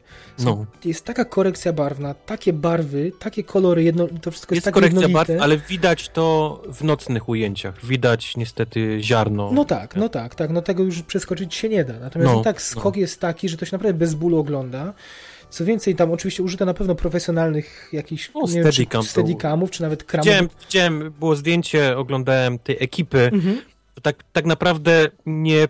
Jakbyś przejeżdżał, to, to gdyby nie było gości z dźwiękiem, czyli tymi pałąkami z mikrofonami, to byś w życiu nie, nie poznał, że coś kręcą, Że jakiś film. Okej, No. super, super. Ale to jeszcze ten iPhone dodaje takiej dynamiki temu filmowi. To jest takie, jakbym jednym słowem miał go scharakteryzować, to jest żywioł po prostu, nie? To jest No, taka no. jedna wielka emocja, która kipi i raz od tych bohaterów, dwa od kolorów, od temperatury. Jest w ogóle historia, która na początku, która, co się dzieje, nie? O, co ja oglądam, Mhm, mhm. to, jest, to, jest, to takie było przynajmniej moje, o mój Boże, co ja No oglądam. tak, no nie nie? oglądamy Potem, codziennie transwestytów w kinie, umówmy się, Które tak. w 5 minut chwyta cię tak, że absolutnie. po prostu siedzisz do samego Mhm. końca. Mhm, Chcesz, wow, pewnie. gdzie to idzie w ogóle? Raz przez, raz przez aktorstwo, no, prawda, bo no, są raz- znakomite te raz role. w ogóle historią, nie? i historia. takie, mówisz, y, drogi, trochę jest tym, trochę jest tym racji, no takie, oni cały czas szukają tego gościa, to jest takie Ale się jednego miejsca na drugie. dokąd to zmierza, jak to się No, skończy, no. nie? No, Jaką rolę ma ten taksówkarz? No potem ma, okazuje się, jest rodzina jeszcze jego się pojawia, nie? I jak to się wszystko na końcu potem wywraca do góry nogami i wybory tych ludzi są tak nieoczywiste i nie po drodze z jakimś takim utartym naszym, może nie światopoglądem, ale, ale tym, co wydaje się nam w naszej kulturze, że powinno się zrobić. A tam to się wszystko wywraca do góry nogami. To jest tak odświeżające zobaczyć, że nie ma jednej prawdy i nie ma jednego jednej reakcji na, na dane wydarzenia, nie? Tylko, tylko świat jest tak różny i tak kolorowy, nie, niesamowity, ale No, no, powiem jeszcze raz, aktorstwo tych, tych y, aktorek transseksualnych, Torek. no szapoba. Zresztą jedna z nich dostała nagrodę Gotham, tą prestiżową kina niezależnego w Nowym Jorku za najlepszą rolę. Przypomnijmy. I były, Hmm. mandarynki były nominowane za najlepszy film roku, razem z Karol bodaj w jednej nominacji. Niesamowite osiągnięcie, nie? Z jednej No, strony. na pomidorach 96, czyli lepiej Mhm. niż Gwiezdne Wojny. Wow, wow. No. Także zachwycające, jeśli będziecie mieli, nie wiem, może jeszcze jakieś malutkie kino w małym miasteczku. Z drugiej strony, Czy taki film dotrze do małych miasteczek? Nie. No właśnie, to na parafiach by zaraz protestowali O, chyba. nie? o mój Boże. No, ale, ale mam nadzieję, że to chociaż to też taki bardzo niszowy dystrybutor. Ja nie wiem, czy to nie był jego pierwszy film. Więc boję się, że to też się w Polsce nie pojawi na, ża- na żadnym nośniku. Więc, więc... A pierwszy film tego dystrybutora, No. Tak, tak? tak, tak, w ogóle. Nie wiem, czy sobie. Myślałem, to... że Sean, myślałem, że ten, Sean Baker, że mówi, że to jego pierwszy film. Nie, nie, nie, nie, tego dystrybutora w Polsce, który najwidoczniej sobie umarzył, że ten film pokaże polskiej publiczności i świetnie, i świetnie. No więc jeśli tylko jakąkolwiek będziecie mieć yy, yy, okazję, to obejrzyjcie, no oczywiście z odro- musicie też mieć odrobinę odwagi, to znaczy, no to, to jest, jest pewien, ym, hm, jakby to powiedzieć, to jest pewien poziom wejścia, prawda? Ja nie Mhm. mam z tym problemu, ale umiem sobie wyobrazić, że, że są ludzie, którzy na widok, nie wiem, transseksualisty, no to, to no jeszcze zdarza się w Polsce jakaś tam reakcja, ale mam nadzieję, że nie docieramy do takich ludzi, mam nadzieję, że słuchają nas otwarte umysły i, i ludzie, którzy akceptują inność po prostu, tak. No. Że inność nie jest innością, tylko jest po prostu, no, uboga- każda inność nas ubogaca no, jako, jako ludzi. Yy, Zgodzisz się, Wojtku? Zgodzisz się. Zgodzę się jak najbardziej, to było dobrze powiedziane. Więc polecamy mandarynkę. Niech to będzie. Niech to będzie nasza właśnie taka. Tylko wiesz, jak ja ci polecałem, ty nie poszedłeś, to mam, mam czuję, że mimo naszych poleceń ludzie też nie, nie skuszą się. No tak, ale myśmy pamiętasz, że to było takie w biegu, w biegu i ja w zasadzie zakodowałem tylko ten iPhone nieszczęsny, No, to okej. filmowane iPhone'em. A skoro tłuczemy ludziom, że tego iPhone'a to tak nie do końca widać, a nawet jest zaletą, to, to może się jednak y, skuszą. Polecamy.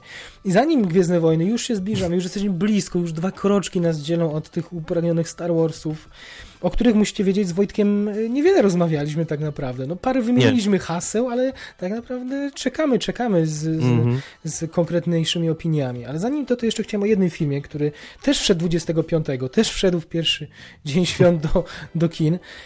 Yy, No, Chyba u ciebie. Chyba u mnie, tak, to prawda. Córki Dancingu. Film, który niewykluczone, że będziesz miał okazję zobaczyć. Już, O tak? już ci powiem dlaczego. Tak, bo ten film, y, jeśli się nie mylę, dostał się do konkursu głównego festiwalu w Sundance. Także będzie u Roberta Redforda w konkursie głównym. Podobnie jak dwa lata temu Whiplash, jak rok temu Ja, Earl i, umiera, Earl, ja i umierająca dziewczyna, tak w tym roku y, film Córki Dancingu został zaproszony na festiwal Sundance.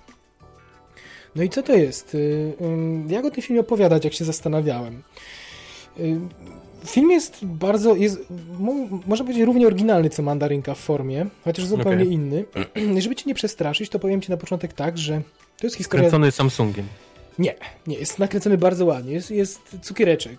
Obejrzysz po Okej. nagraniu zwiastun. Dobrze. e, Wygląda jak na kino niezależne. A wygląda... czy jest jakiś tytuł angielski? Jest y, coś, wydaje mi się, że troszkę coś z, z pożądaniem. Z Last, tak? Lost. Mhm. Wydaje mi się, że, że jakaś, że może nie do końca to słowo, ale coś w tych okolicach. Y, To, to w ogóle jest ciekawa historia, bo są na przykład zupełnie inne plakaty. Y, Jest na polski plakat z polskim tytułem, jest taki bardzo, no są dwie dziewczyny na nim, jest kolorowo, Mhm. a, a ten amerykański plakat to jest, jest bardzo artystyczny, to jest w zasadzie grafika. Jest taka bardzo mroczna, są czaszki, są wiesz, jakby dwa zupełnie różne filmy, a to jest tak naprawdę y, to się świetnie up- uzupełnia i już z tych dwóch plakatów można by wyciągnąć wnio- pewne wnioski, bo, bo to jest film właśnie takich, takich y, kontrastów, ale już mówię o, o czym, bo Gwiezdne Wojny mają być zaraz, a tu ja się e, r- No właśnie, rozwodzę. Córy Dancingu. Córy, córki dancingu. Słuchaj, dwie dziewczyny, na razie mówię bezpiecznie, dwie dziewczyny mm, przyłączają się do zespołu mm, takiego big beatowego, dancingowego, który nazywa się chyba Figi i Daktyle, tak się ten zespół nazywa. Już mi się podoba. E, To są lata 80. PRL, ale taki wesoły, Najlepszy, wesoły najlepszy PRL. okres w Polsce. no, zdaniem niektórych y, chyba tak. Nie, I ale to nie jest taki PRL, żeby się tam biczować zaraz. To nie, nie, nie, nie. Nie, on, nie, nie ten dobry PRL. Ja, on, ja mówię, on, jest, on jest kolorowy, tam jest, jasne, jasne. wszystko jest podszyte erotyzmem, seks kipi w powietrzu.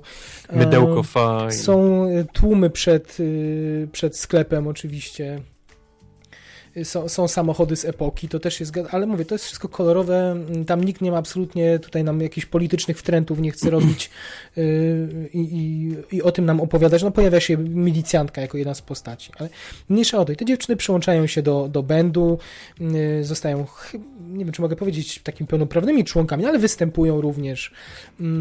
Ja w tamtych latach y, popularne były te kluby z, z dancingami, to były też kluby również ze striptizem, więc te wątki też się pojawiają. To zresztą film jest dosyć odważny, jest sporo na gości. Te dziewczyny oczywiście no, poznają y, pierwsze, zakochują się, są, są, jest wątek pierwszych miłości, pierwszych też rozczarowań ludźmi, pierwszego skrzywdzenia, e, poświęcenia dla faceta, takiego oddania się bezgranicznego, takiego wręcz ślepego albo nawet głupiego za, takiego mhm. zaufania pierwszemu spotkanemu, bo to jest miłość na całe życie. No brzmi, brzmi jak kino inicjacyjne, Wojtek, nie? Brzmi no. jak brzmi jak coś, co znamy, co lubimy ten gatunek, ale, ale nie brzmi jako coś wyjątkowego. No to teraz twist, uwaga. To, to, jest, music, to jest musical po pierwsze, wypełniony teraz taką, wypełniony właśnie takim muzyką dancingową, big beatową, a do tego te dwie główne bohaterki to są syreny, które wyszły z Wisły. I spotkały, i spotkały ten, tak, i spotkały ten zespół dancingowy na pla, na, na, nad Wisłą po prostu. I, ale były na tyle urzekające, jak to syreny, wydając te dźwięki, że faceci z zespołu od razu się w nich zakochali. Zresztą kobiety też na ich yy, no, urok nie są obo, obojętne. No i co? I tu już od, od, odstraszyliśmy chyba większość słuchaczy, bo mhm. musicali to większość osób nie, nie dzierży. No a jeszcze syreny, what the... Co jest grane? No więc słuchaj, jest tutaj tak, jest tutaj, to wszystko, co powiedziałem, się zgadza, bo, bo to jest właśnie film o dojrzewaniu, o wchodzeniu w dorosłość, tylko y, w sposób ekstremalny, tak, bo te syreny, one ufają ludziom w taki sposób bardzo naiwny, ale też potrafią, jak to syreny, to nie są, to nie są arielki. One potrafią kłami wbić się w tętnicę, w aortę, rozszarpać gardło człowiekowi, więc są elementy horroru. Jucha się leje na prawo i lewo. One biegają przez cały film topless, no bo gdzie jest syrena w koszulce, więc, więc są roznegliżowane y, moment sprawdzenia, nie będę wam opowiadał, ale moment sprawdzenia, hmm, nawet tego nie opowiem, ale można się przekonać, czym są nawet czy, czy, ryba, czy ryba ma narządy płciowe. W każdym razie yes. w momencie, kiedy one... Jestem kupiony, możesz przestać mówić. W każdym już. razie w momencie... Salt! Ale, ale, ale, pojawia się tam też w związku z tym y, taki wątek i cytat o zapachu ryby, y, a, a, tu jesteśmy już blisko do wspominek, jak to było, jak w, będąc pacholęciami, jak na WF-ie wbiegaliśmy do szatni dziewczyn i i też opowiadało się o charakterystycznym zapachu. W dalszym ciągu który... jestem kupiony. nie, więc, więc to wszystko jest. Ta młodość jest od każdej strony opowiedziana i, i do tego piosenki, słuchaj. Do, do, y, co powiesz na Donę Summer w wydaniu polskiego, big, no tak, polskim big beatowym, ale Donna Summer.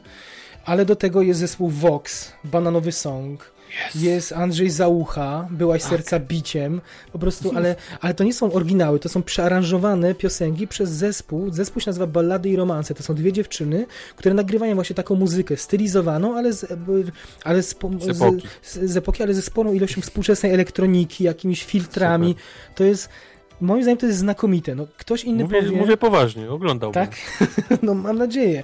Znaczy to jest absolutnie abstrakcyjne. To jest, to ma tylko zręby fabuły. To ciężko, ciężko poza tym, co powiedziałem, wyłuszczyć jeszcze jakieś takie epizody, które by można było opowiedzieć tak bardzo konkretnie, że to jakieś konkretne zakończenie czy coś. To jest tak, jak ktoś odmalował po prostu yy, taką dzikość wchodzenia w dorosłość. I to dzięki temu, że to są te syreny i to jest taka abstrakcja ekstremum, że jest ta jucha na prawo i lewo i te piosenki, które jednocześnie kiczowate, ale z drugiej strony naprawdę fajne aranże. Bo to jest taki dobry, to naprawdę jest dobry kicz. To, to nie jest tak jak film Disco Polo sprzed paru miesięcy, który próbował mhm. udawać, że ten kicz to jest inteligentny kicz, a był po prostu kiczem. Ale nie, tutaj, tylko wiesz, to zawsze poruszamy się po takich, w takich pojęciach, że dla kogoś innego ta granica będzie gdzieś indziej i powie, że to jest, to nie wie co to ogląda. Słyszałem o ludziach, którzy wychodzili w trakcie seansu. No u mnie się nie zdarzyło, byłem z kilkoma osobami, głównie starszymi na, na seansie. Mhm. Nie wiem, czy ich przeboje ze zwiastunu przyciągnęły, bo oczywiście trailer, trailer nie pokazuje prawie nic, bo ani nagości, ani krwi nie, mo- nie można puścić na Hmm. YouTubie bez ograniczenia, więc No tak. jest trochę mylący. Ten, który był w kinach wyświetlany, troszkę, troszkę więcej pokazywał. Do tego jest to naprawdę dopracowane technicznie. Ta, ta muzyka jest perfekcyjnie zrobiona. Zresztą ta, dzie- ta pani, która film zrobiła, mm, nie pomnę teraz nazwiska, natomiast to jest debiutantka i e, to jest mocno, może nie autobiograficzne, ale ona się wychowywała w takich klubach. Znaczy jej matka była szefową takiego klubu i mówi, że spędzała Mhm. tam bardzo dużo czasu. Więc ona też odmalowała ten, tą, to, to, jak pamiętała to bycie w klubie, to jak się ludzie zachowywali, jak wyglądała wtedy Polska, ale właśnie, żeby za, nie, nie robić z tego autobiograficznego filmu, to wsadziła te syreny. No, to na- jak najbardziej od, odrzuciła takie myślenie autobiograficzne od siebie właśnie przez te, przez te fantazyjne postacie syren. Do tego film produ- głównym koproducentem było Platicz Image, czyli Tomasz Bagiński, twórcy Katedry Mhm. i tak dalej, i tak dalej, twórcy Wiedźmina przyszłego, Mhm. y, filmu, y, więc to jest na też, mimo pewnie skromnego budżetu, technicznie to jest dopracowane, te ich stroje, ogony. Scena, kiedy ona w końcu ona decyduje się odda- y, poświęcić ich głos dla, z miłości, to nie jest tak, że po prostu jak Arielka decyduje się, że teraz będę z facetem, więc jej urosną nogi. Znaczy im rosną nogi, tylko że mają wszystko zaklajstrowane jak to ryby. To jeszcze ta, taka historia. Ale jak ona chce oddać się w całości mężczyźnie, y, również fizycznie, w związku z tym już- decy- decyduje się... Tu coś. No nie, ja już to nie jest, to jest numer musicalowy. To jest numer No musicalowy. W każdym razie mm, nikt się z nami nie oszczędza. No, oglądamy operację ucięcia tułowia, przykrojenia na pół, a ona wtedy w tym czasie śpiewa piosenkę. No fantastyczne, no, no cudowne, cudowne. Kroją ją na stole, jucha lata, przeszczep nóg, a tutaj piosenka dancingowa. No. Czuję, że będę musiał coś mocniejszego sobie dokupić jeszcze do... Słuchajcie, no kto odważny, to się wybierać na córki, córki dancingu, póki są. Dla mnie to jedno z największych zaskoczeń tego roku, niespodzianek. Yy, Dla mnie to będzie w topie na pewno tegorocznych filmów, O, okej. ale, ale, ale wymaga odwagi. Wymaga odwagi. Myślę, że większej niż mandarynka nawet, żeby, żeby obejrzeć. I, no i trzeba te- parę wymogów speł- spełniać, żeby nie mieć uczulenia na musicale przede wszystkim. To tyle, to tyle myślę. Czyli będziemy, będzie oglądane Wojtek, co? Pojedziesz do Redforda tam, nie? Do, do Sundance obejrzeć. Mhm, jak najbardziej. Jak najbardziej. Okej. Zamykamy polecanki. To były te wszystkie, te wszystkie pięć filmów, jakie dla Was przygotowaliśmy. Yy, I to by było na tyle. Dziękujemy za wysłuchanie 13 odcinka. Lala, hola, hola. Nie, zapomnieli, nie zapomnieliście o czymś papa. Gwiezdne wojny. Gwiezdne wojny, Gwiezdne wojny. Chyba musimy założyć założyć bano na te dwa słowa, bo się będzie, żeby nie powtarzać, musimy coś, jakiś zamiennik. Zamiast Gwiezdne Wojny mówimy cór, córki dancingu może, co? No tak, Żeby ludzie nie... The Forest Awakens.